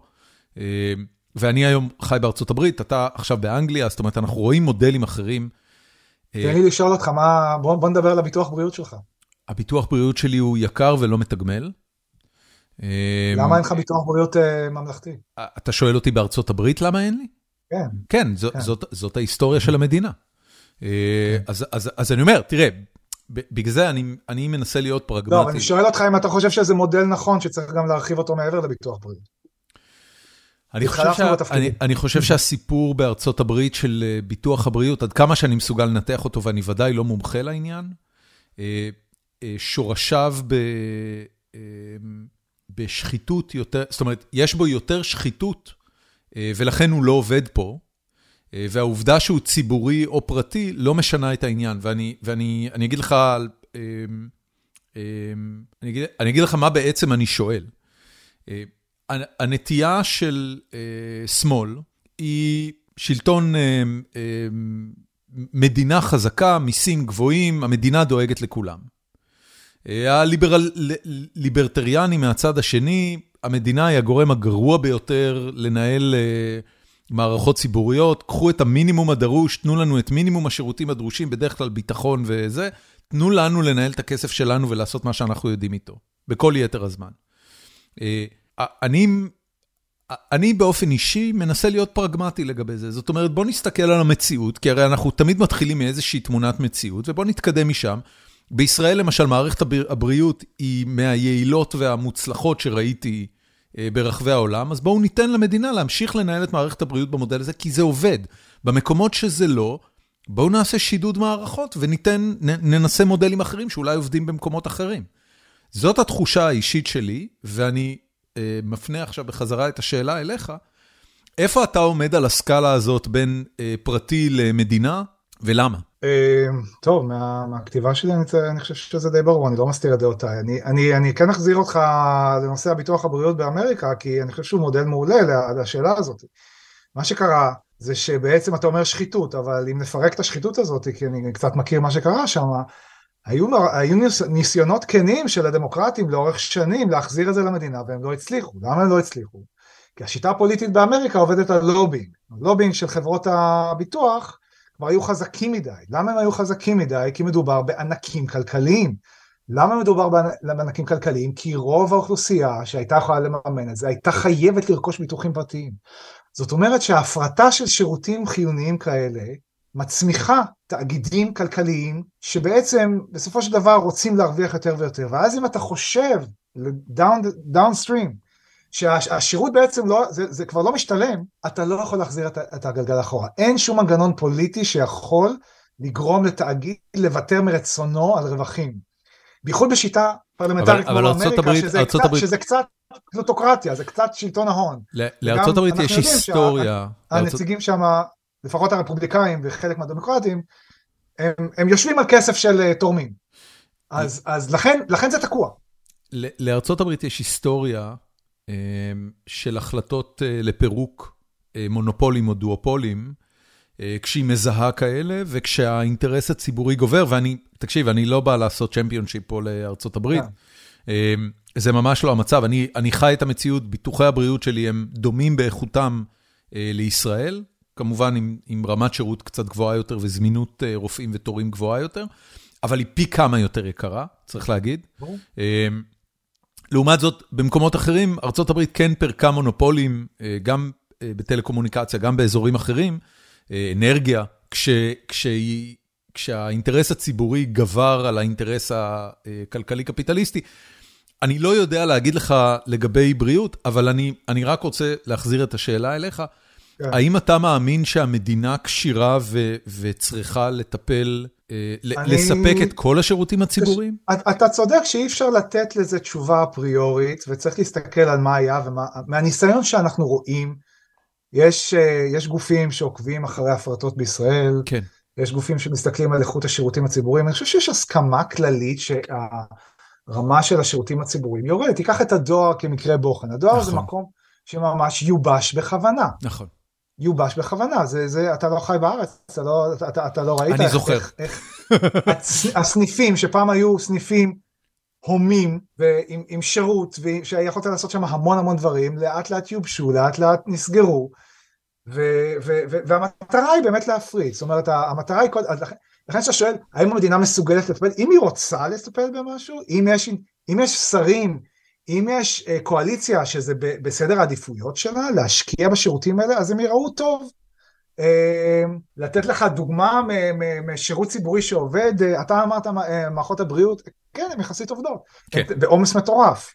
הן בעומס מטורף, אבל הן יחסית עובדות. המקום אגב שבו הן עובדות הכי טוב, ואני במקרה חוויתי את זה בחצי שנה האחרונה, כי קרובת משפחה שלנו פה באוסטין ילדה, זה סביב הנושא של ילודה, רפואת יולדות ורפואת תינוקות בארץ. ברור, כי זה פרויקט לאומי. בדיוק. להתרבות. בדיוק. הן מדהימות. הן באמת מדהימות. הן יכולות להיות טובות יותר ברמת השירות, כי אני חושב שבאופן כללי לישראל יש מנטלית בעיה של שירות, אבל מעבר לזה הרמה היא מאוד מאוד גבוהה והעלות היא לא גבוהה. כן. אז אני, אני, לשאלתך, אני חושב שצריך להסתכל האם המדינה באמת רוצה להשקיע בשירותים מסוימים או שהיא רוצה להפריט אותם, ואתה רואה אנשים שמגיעים בייחוד מהכיוון של הימין הדתי בשנים האחרונות, כמו סמוטריץ', כמו שמחה רוטמן, כמו אנשים כאלה, הם מזינים את הסוח, כמובן פורום קהלת שעומד מאחורי הרבה יוזמות כאלה שבאמת מגיעים עם אידיאולוגיה נחושה לפני בכלל שבודקים לפרטי פרטים האם זה נכון להפריט, מין uh, תפיסה כזאת שהמדינה היא, היא, היא תמיד תדפוק את הדברים האלה, תמיד לא, לא תנהל את זה נכון. מדברים על הפרטת חינוך, החינוך כן. הרי הוא כבר חצי מופרט, יש הרבה מאוד חינוך אפור, הם רוצים נכון. לקחת את זה לקיצוניות מאוד גדולה. אני רואה רק נזקים בזה, אני לא, אני לא רואה שיש... שיש איזה תועלת, אני לא רואה ש... ש אתה ש... אתה לא היית מעדיף אה, באמצעות שיטת שוברים כזו אה, לבחור את החינוך לא, לא. של ילדיך בעצמך? לא, לא. אני הייתי מעדיף שיהיה חינוך ציבורי מעולה, כמו שיש בהרבה מקומות בעולם, כמו שיש בקנדה, כמו שיש בצרפת.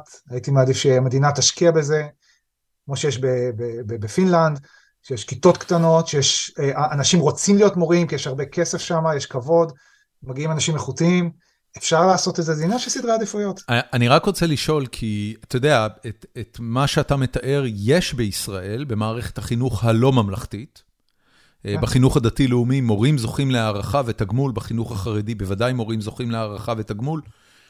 למה לא ללמוד מהם? הם בנו את זה בעצמם, הם עשו את זה פרטי, הם התנתקו מהמדינה, הם רק שואבים את הכסף. כן, למה אני, לא, למה לא לעשות את זה אני ככה? לא, אני לא רואה איך זה קורה בקונסטלציה, כמו, ש, כמו להזכירך, אנחנו מיעוט. לא דווקא בגלל זה, כשש"ס קלטו שהם מיעוט שאין לו מערכת חינוך, כן, הלכו ובנו את מעיין החינוך התורני. ש"ס זה מיעוט שלא זז משולחן הקואליציה כבר עשרות שנים. אין לציבור החילוני הזה נציגות שיכולה לחלוב את הקופה הציבורית באופן קונסיסטנטי, זה גם קצת נגד הערכים של חלק גדול מהציבור הזה. אה, זה לא יעבוד המודל הזה, כן. לא יעבוד. עכשיו, אה, אתה יודע, גם אפשר לדבר על, ה, על החינוך החרדי, אה, כמה, כמה באמת זה נראה כמו שאתה מתאר את זה, זה, זה, זה... ומה אפשר ללמוד משם. אני לא יודע מה איכות האנשים שם, שאתה כל כך מהלל. אני יודע שיש לא, כיתות לא, קטנות יותר. לא היללתי, רק דיברתי על העניין של הערכה שהם מקבלים. אני, אני, אני משוכנע מעל לכל ספק שמורה בחינוך החרדי זוכה יותר לכבוד והערכה גם מהילדים וגם מההורים של הילדים, אה, ממה שזוכה מורה או מורה בחינוך הממלכתי-חילוני. כן, כן, אבל אנחנו מדברים על כבוד והערכה כאן רק כאינדיקציה לדברים יותר אה, מהותיים, שזה גודל הכיתות, שזה איכות צוות ההוראה, כן. שזה איכות תוכניות הלימודים. אה, משרד החינוך, תוכניות לימודים היום, זה, זה, זה באמת, זה נראה, זה נראה מאוד לא טוב. מאוד לא זה טוב. נראה, זה נראה שהמון המון תוכניות הותלאו, זורקים, אני אומר לך את זה כהורה לילדים במערכת, ש, ש, שזורקים תוכנית לימודים פה, זורקים שמה, זורקים העשרה פה, זורקים העשרה שמה, הכל זה נראה טלאי על טלאי. ו... והילדים קולטים את זה.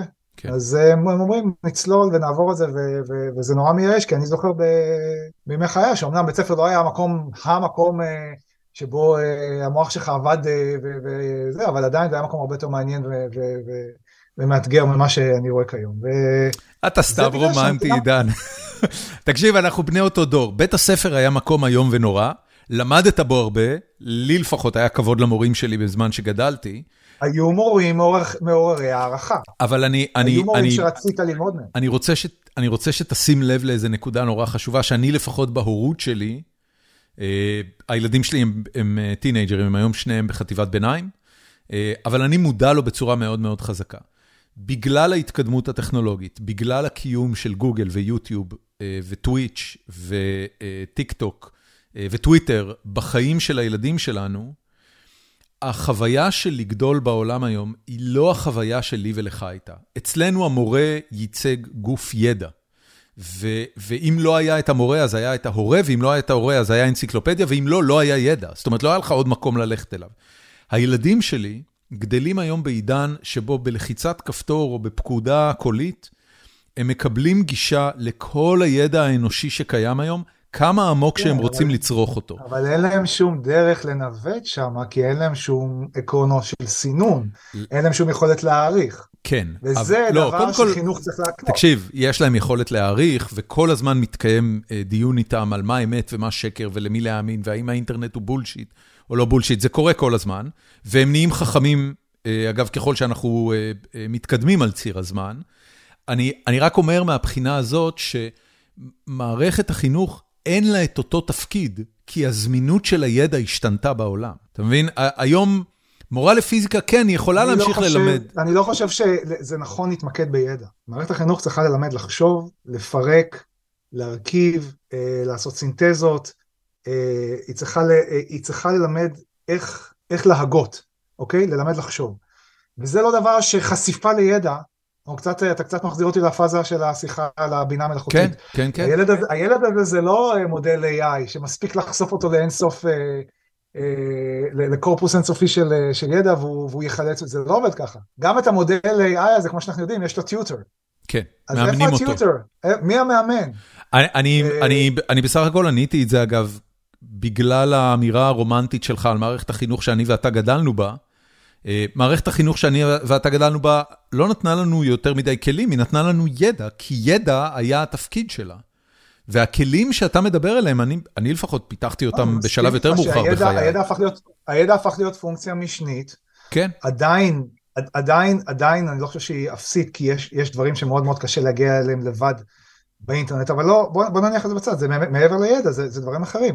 מעבר לידע כמובן, זה גם, אתה יודע, כל, כל הנושא של האזרחות ש, ש, שעולה היום, אתה לא יכול להתחבר לגוגל ולהבין מה זה נכון. תפקידו של אזרח, נכון, מה תפקיד נכון, נכון, הממשלה, אחוז. מה זה מיעוטים, זה זה, אז כאילו לבית ספר יש הרבה תפקידים, הוא לא עושה אף אחד מהם היום, בוא נגיד ככה.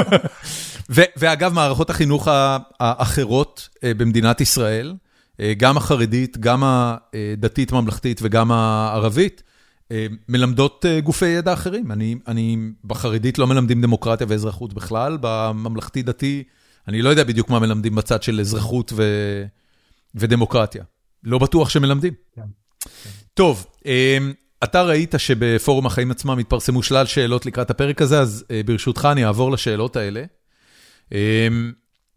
גיל יסעור שואל, מתי אם בכלל הרגשת שהכתיבה שלך מייצרת שינוי? אני מניח שהוא מתכוון לכתיבה אמ, בבלוג שלך. הרבה מאוד פעמים, הרבה מאוד פעמים. תן לי דוגמה. אמ, פעם אחת זו קבוצה של צעירים שאחד מהם התחיל לקרוא את הבלוג והתעניינו וקראו לי ועשינו אה, שיח כזה, שבו הם רצו לשמוע יותר על איך אה, אני מגיע למקורות מידע שלי ואיך אני עושה את הניתוח ואיך לקרוא תקשורת, ושיחה פנים אל פנים כזאת. היה האמת יותר מפעם אחת. איזה כיף. בימים הראשונים יותר של הבלוג. דבר שני, אה, זירה שנייה שזה קורה זה אקטיביסטים. אה, שייח' ג'ראח, תאיוש, אה, אפילו המאבק במורי, נגד מורי הקבלן. כל מיני פוסטים שכתבתי, פוסטים תחקיריים גדולים מאוד, הופצו בפורומים, פייסבוק ולא פייסבוק, של הקבוצות האלה, כדי ליצור בסיס ידע משותף לקבוצה. שממפה את הבעיות בתחום שבו הם... תיקח את בקעת הירדן, בקעת הירדן כתבתי איזה שלושה פוסטים מאוד גדולים. הייתה קבוצה של אקטיביסטים שעבדה על בקעת הירדן, היו מלווים שם והיו זה, אז אתה יודע, כתבתי על כפרים מסוימים, כתבתי על תקנות של הצבא, כתבתי על דברים שקרו שם, אספתי חומר מ... גם מעיתונות וגם אה, מדוחות של אה, זה, וריכזתי אותו. עשיתי איזה מין אה, עבודה, עבודת, אוקיי, אז, אז אה, זה אני יודע שוב, כי הם פנו אליי, לא כי אני הכרתי אותם אישית. מין, מין, כש, כש, אקטיביסטים זה, אקטיביזם זה, זה, זה, יש לו כל מיני פנים, אני קרא- קראתי לעצמי בזמנו אקטיביסט מקלדת, אה, וזה, הכוונה זה לא מישהו שקם בבוקר ו, ומקלל בטוויטר, אלא זה מישהו שקם ועושה תחקירים במשך אה, הרבה מאוד זמן, ואז אה, כותב את זה בצורה שהיא נגישה לציבור. כן. אגב, במהלך השנים גם פנו אליי מהאקדמיה, מכל מיני אה, גופים, אה, חוגים למשפט, ל- לסוציולוגיה, אולי תכתוב מאמר על הנושא הזה, אמרתי להם למה לי, זה לא העניין שלי, אני כותב מאמרים בבלשנות, וזה אני, זה, זה האקדמיה שלי, אני רוצה, כשאני כותב פוליטיקה, אני רוצה שיקראו אותי, אה, גם ילד בן 18 שיקרא אותי, כן. אז אני מתגאה בזה שהוא יכול. אני לא רוצה זה- לכתוב את זה בשפה שהיא לא נגישה, אני לא רוצה, זה לא מעניין אותי להוסיף עוד שורה ל-CV.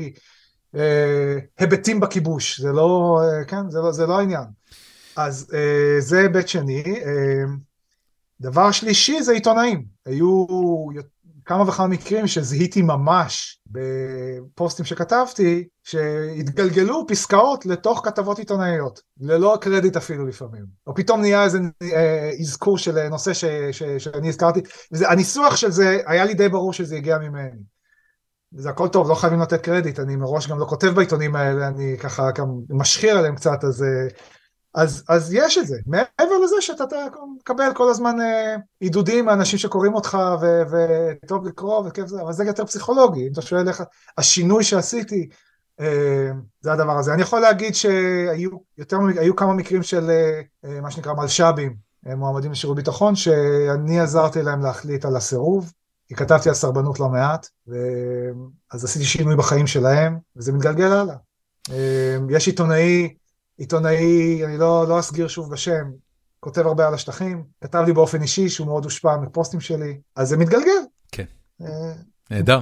מה הם אה, השפיעו, מה כל הדבר הזה השפיע, נורא קשה למדוד, מה, אפשר לשאול טוב, מה הסרבנים משפיעים, מה כתיבה על הכיבוש משפיעה, בסדר, את שלי עשיתי קצת, אני חושב, במעגל שיכולתי. אמ, אני לא אזכיר את אה, שם השואל או שואלת, אבל השאלה היא, מה השפה הטבעית עם המבנה התחבירי הכי חריג שאתה מכיר, ואיך היא שונה מעברית? אה, אוקיי, אז לאור השיחה שהייתה לנו קודם, אתה תבין שאין לי תשובה מעניינת על זה, כי בעצם בסופו של דבר לכל השפות יש את אותו מבנה תחבירי. זאת התזה, אתה אומר. לא, התזה היא שכולנו חולקים אה, את אותם עקרונות תחביריים, ועל פני השטח יכולים להיות הבדלים מאוד מאוד רדיקליים לכאורה, אבל הם לא בתחביר, הם במנגנונים שהם פוסט-תחביריים, מה שנקרא externalization, החצנה של המבנה התחבירי. שיכולה להיות דרך אה, שרשור מילים בסדר מאוד מוזר, אבל זה לא מה שהמבנה התחבירי שונה. אז כן, יש שפות שנראות מאוד מאוד על פני השטח שונה, לא הייתי אומר שזה תחבירית שונה. אה, שפות כמו, אני יודע מה, גרינלנדית, או שפות אינדיאניות, שבהם משפט שלם יכול להופיע כמילה. כל האיברים של המשפט מודבקים על מילה אחת ארוכה, והתפקיד של הבלשן זה לפרק את המילה ולראות איפה המילים אה, איפה החלקים אה, נפרדים, ואתה לפעמים רואה חלק משם העצם פה וחלק משם העצם שם, ויש הרבה מאוד עבודת רקונסטרוקציה, איך זה נראה לפני כל התזוזות האלה, אבל באמת, הרעיון הוא שזה התחיל ממשהו מאוד מאוד ברור וקוהרנטי, ואז זה עבר איזשהו ערבול, ואתה צריך לעשות אה, undoing לערבול הזה כדי לגלות את המבנה התחבירי שבעצם משותף לשפות שונות.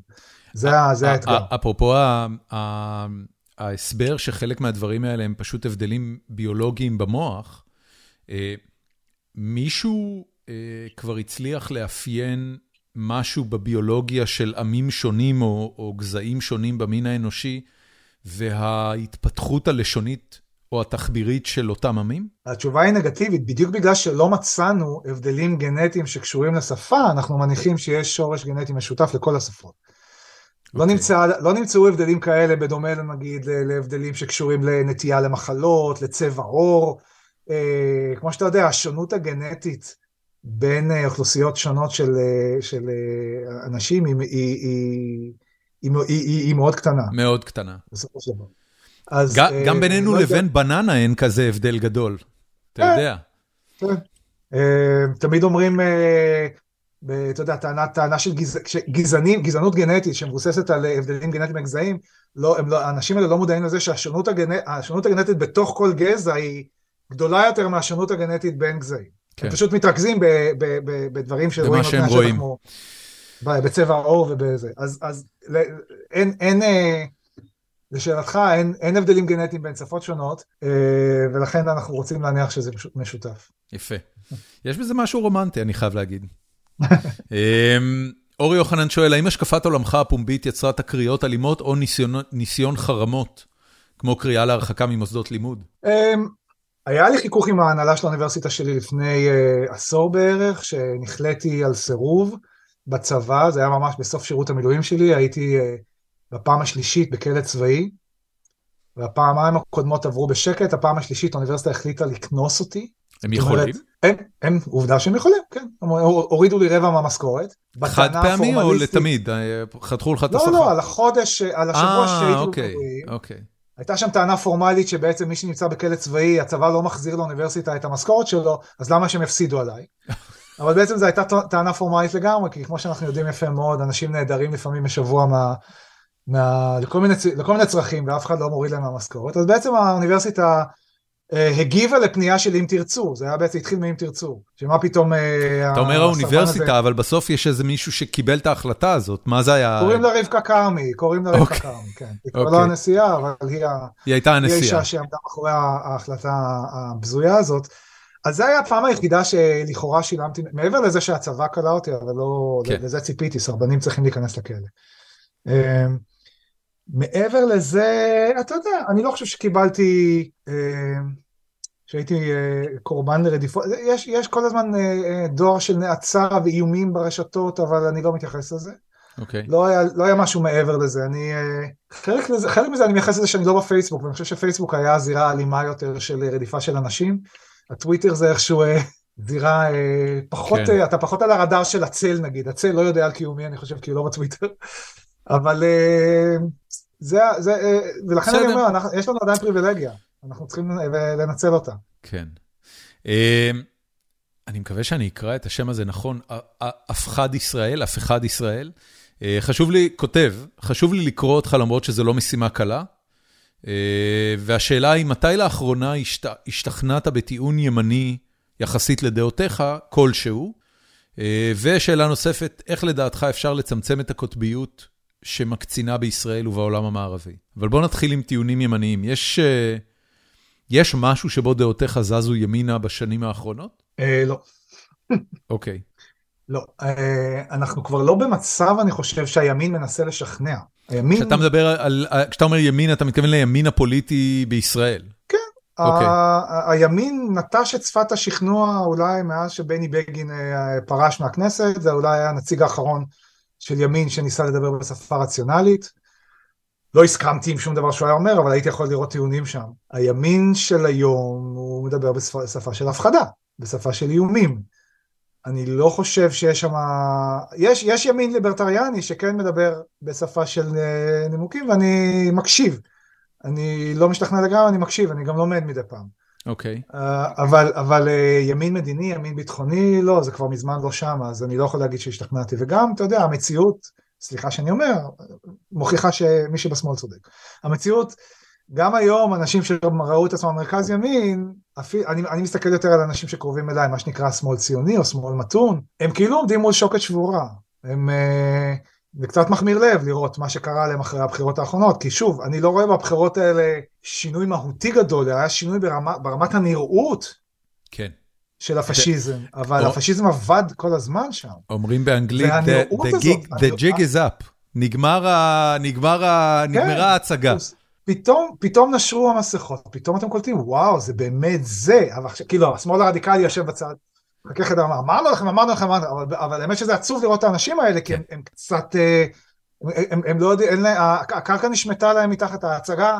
כמו שאתה אומר, ההצגה, אה, הם לא כך יודעים איפה לשבת, איפה לעמוד את עצמם, הם, לא יודעים איך לנסח לעצמם את, השייכות שלהם למקום הזה. כן. אה, ואז חלקם עוברים רדיקליזציה, וחלקם, לא יודע מה, אנשים כמו אלדד יניב, אני לא יודע, אנשים כמו אורי משגב, נודדים לימין, כי הם יודעים ששם בעצם זה, זה, זה הבייס האחרון שנשאר. יש כל מיני תגובות מעניינות לזה. השמאל הציוני, אני חושב שקורים שם דברים מעניינים עכשיו. אבל, אתה, אבל בסופו של דבר, מי שחושב שדע, שהוא יתחזק בדעתו ב, ב, ב, אחרי, ב, בדינמיקה הנוכחית, זה או השמאל הקיצוני או הימין הקיצוני. הימין הקיצוני חושב, אנחנו צודקים, עובדה שאנחנו בשלטון. השמאל הקיצוני אומר, אנחנו צודקים, אתם רואים, הם בשלטון, צדקנו כל הזמן. כן. השמאל הציוני לא חשב שהוא יגיע לשלטון מתישהו, באיזושהי קונסטלציה מוזרה עם המרכז, אבל הוא לא, הוא לא, הוא לא, הוא לא זיהה נכון את מה שקורה, הוא לא קרא למה שקורה במילים הנכונות. כן. אז הוא חי בשקר. אני אמשיך לשאלה הבאה, טל סוויסה שואלת, האם אתה אופטימי או פסימי ביחס לעתיד של מדינת ישראל? הייתה שם עוד שאלה לדעת, אה, אה, אוקיי, אמרנו שתיהן. אה, פטימי, אה, לא, אני מעדיף לדלג על השאלה הזאת. אורייט. אמ, באמת, באמת, טווח ארוך, טווח קצר, המעגל הקרוב אליי, המעגל הרחוק ממני, אני יכול לתת תשובות סותרות, אין לי שום תשובה קוהרנטית לזה, אז אני מעדיף לדלג על זה. אוקיי. גיל אדינו, כתב כל מיני דברים, הוא מסיר בפניך את הכובע על ההשקעה בבלוג, והוא שואל למה למה ההשקעה ירדה. אמרת שבחצי שנה האחרונה זה רק הולך ומעמיק, אבל מה, אבל מה באמת קרה? זה בגלל שטוויטר יותר נוח או מה? אה, זה כבר יותר מחצי שנה, אני חושב שבעצם הפסקתי באופן ממש ממש רציני לפני שנתיים פלוס. זה היה שילוב, שילוב של, של דברים, א', עייפות החומר אצלי, שמתי לב שאני יותר ויותר עושה קופי פייסט, אני, אני לוקח אתה, ציטוטים מפוסטים קודמים שלי. אתה אומר, אמרתי לכם הכל. אמרתי את זה, הנה, זה רלוונטי גם לזה. כן. אז זה אני לא אוהב לעשות, למחזר. אה, קצת נגמרו לי הנושאים לכתוב עליהם, זאת אומרת, הנושאים שאני מבין בהם, שמעניינים אותי, שאני חושב שיש לי משהו מעניין להגיד בהם, שים לב, זה הרבה תנאים, הרבה, הרבה אנשים כותבים ברשת בלי, בלי שהתנאים האלה מתממשים. אתה גם צריך להבין בזה, אתה גם צריך שיהיה לך משהו מקורי להגיד בזה, ואתה גם צריך לעשות עבודה, לא סתם להביע דעה, אלא זה שלושה תנאים שצריך, שזה רף לא, לא, לא נמוך לעבור. כן. היה לי קשה יותר ויותר לעבור אותו, גם לא, לא חידשתי וגם לא היה לי נושאים חדשים ש, ש, שאני מתעניין בהם מספיק בשביל לכתוב עליהם, אתה יודע, מן הסתם אפשר גם לכתוב על uh, תשתיות בישראל, נושא חם מאוד, פי תחבורה. לא היה לי מה לכתוב על זה, כן. לא מספיק מבין בזה.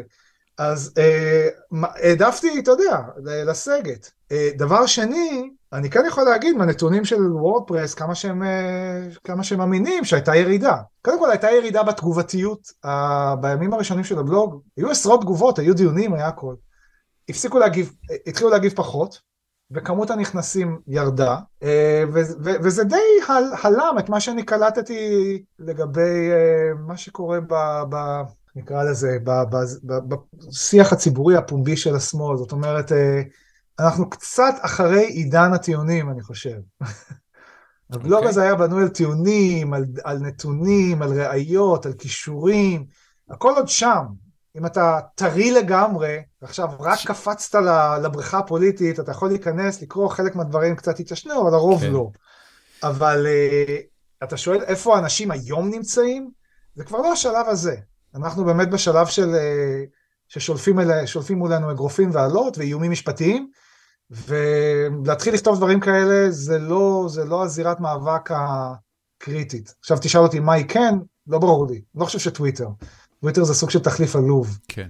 צריך אקטיביזם יותר של שטח, ואני גם צריך לחשוב איפה אני נמצא בתוך זה. כן. אבל זה לא יהיה אנחנו נכון. אנחנו יודעים איפה אתה נמצא, אתה נמצא באוקספורד. בפעילות מתוך אינרציה, זה, זה לא יהיה נכון. כן. טוב, um, עד כאן, עידן. אני חושב שכיסינו uh, את כל מה שחשבתי שנכסה. הייתי עוד ממשיך על בלשנות, אבל אני כאילו, אני פשוט גיקי על העניין הזה. זה, זה, כל הנושא הוא, הוא נורא קסום בעיניי. אני לא יודע, כאילו זה... אמ, מה כדאי לקרוא, לראות, אה, הרצאות ביוטיוב? אמ, מי שרוצה קצת יותר להעמיק, גם לרקע של נועם חומסקי. יש איזה כאילו ניל דה גראס טייסון של עולם הבלשנות שמנגיש את הכל בצורה מרגשת ומהממת? אני, אה, אני בעוונותיי הנגשתי קצת בעברית. אה, גם בבלוג, יש, יש תגיד בלשנות, אתה יכול להיכנס אליה. אוקיי. מאמרים פופולריים שכתבתי, חלקם פופולריים למדי בגלילאו, וחלקם חצי טכניים, בכתבי עת כאלה זה. לפני שנה יצא ספר של חומסקי בתרגום שלי. אוקיי, ששמו? איזה מין יצורים אנחנו. אוקיי. איזה מין יצורים אנחנו, שהוא יותר פילוסופי, אבל יש בו פרק בלשני. פילוסופיה צפה בלשנות כזאת. כן. אמ, וכן, יש, אה, יש ביוטיוב לא מעט, כרגע לא עולה, לא עולה על דעתי אף שם של מישהו, אבל אני... אה, אם, אם תיזכר, שלח לי ב... כן. בהודעה ואני אצרף לפרק. כן. המון תודה, בן אדם. אה, תהיה... תודה, תודה לך. תהיה בריא ושמח. תודה רבה. תודה.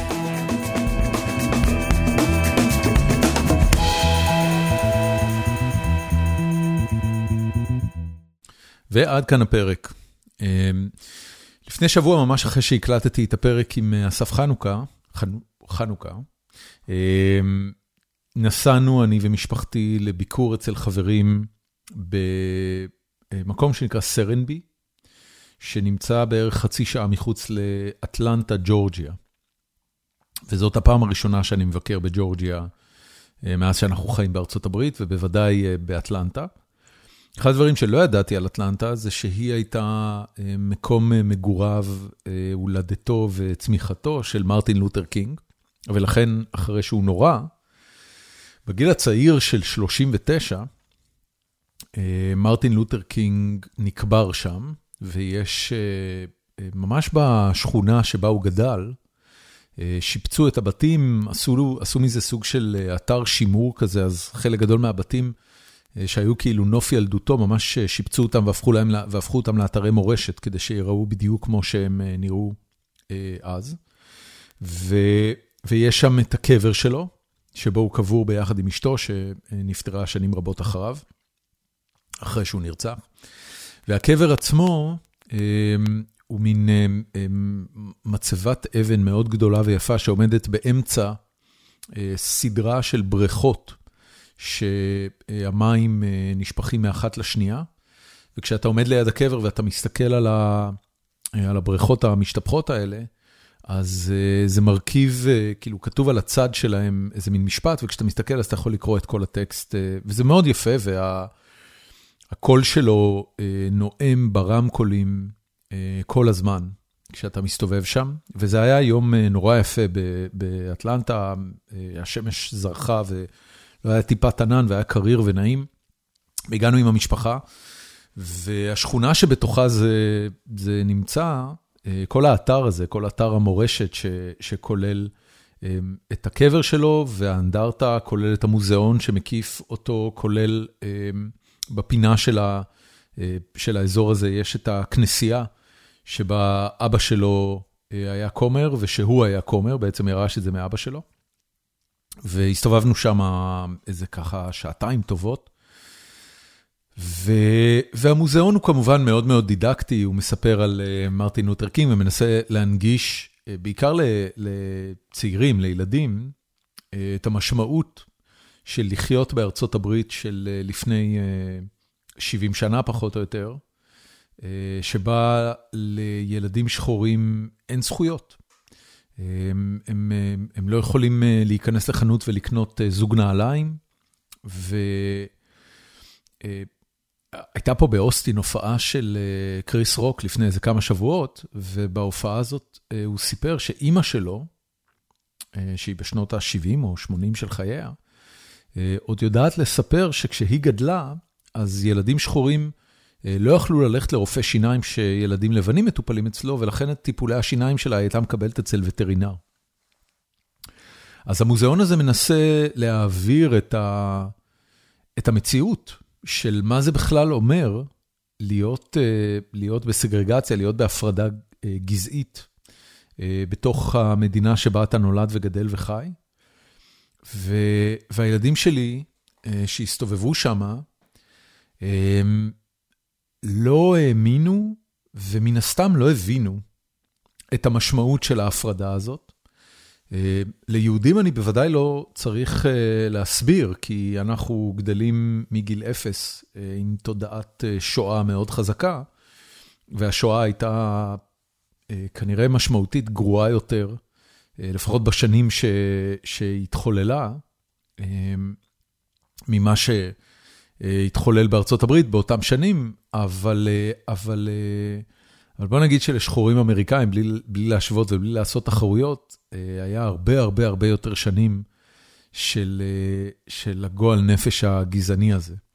ומרטין לותר קינג, שבאמת היה נואם בחסד עליון, הנאומים שלו, ש, שלאורך כל השהות שלנו שם, הם כל הזמן מהדהדים ברמקולים, הם, הם, הם, הם ממש מפעימים, אפילו היום, עשרות שנים אחר כך, כשהנושאים שעליהם הוא דיבר, בחלקם הלא מבוטל כבר מטופלים, לשמוע את הבן אדם נואם, לשמוע את, ה, את האינטונציה של הקול שלו, את האופן שבו הוא שוזר מילים ומשפטים לכדי נאום, זה ממש, זה ממש מרעיש, זה ממש מרגש. הילדים שלי לא הבינו יותר מדי, אבל זה בסדר. הם לא מתרגשים מנאומים, ובאופן כללי, אומנות הנאום היא לא משהו שהם כנראה עוד מודעים אליה, אבל עבורי זה היה דבר מאוד מאוד מרגש.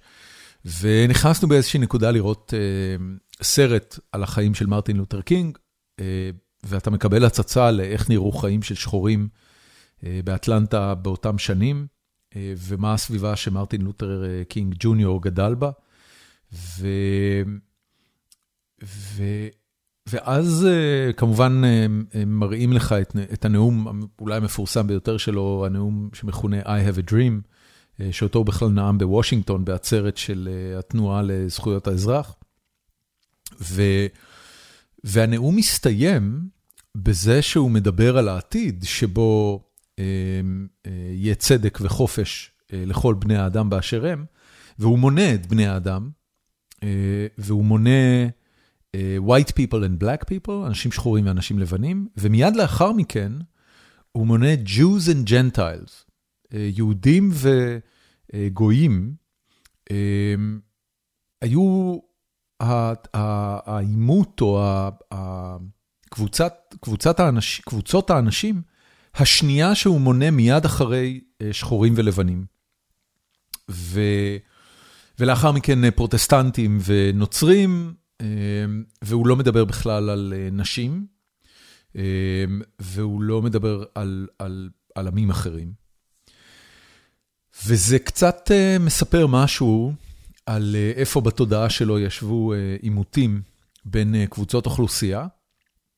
אמ, ועל, זה היה מאוד מעניין בעיניי שהוא בכלל יודע על יהודים וגויים, זאת אומרת ג'נטיילס, המילה הזאת, אה, זה, זה, זה ככה פתאום אה, אה, ננעץ לי בתודעה בזמן שצפיתי והפתיע אותי. ואז הלכתי וקראתי, והוא כמובן היה אדם מאוד משכיל, אז הייתה לו תודעה מאוד חזקה ומודעות מאוד חזקה למה שקרה אה, במלחמת העולם השנייה ובשואה ואנטישמיות ורדיפת יהודים. והייתה כנראה אולי באיזשהו מקום אה, שותפות גורל קלה, או אולי אפילו הערכה הדדית בינו לבין אה, יהודים על, ה, על המאבקים שכל קבוצת אוכלוסין הייתה צריכה לסבול, יהודים באירופה בשנים שקדמו לכך ושחורים ולבנים בארצות הברית.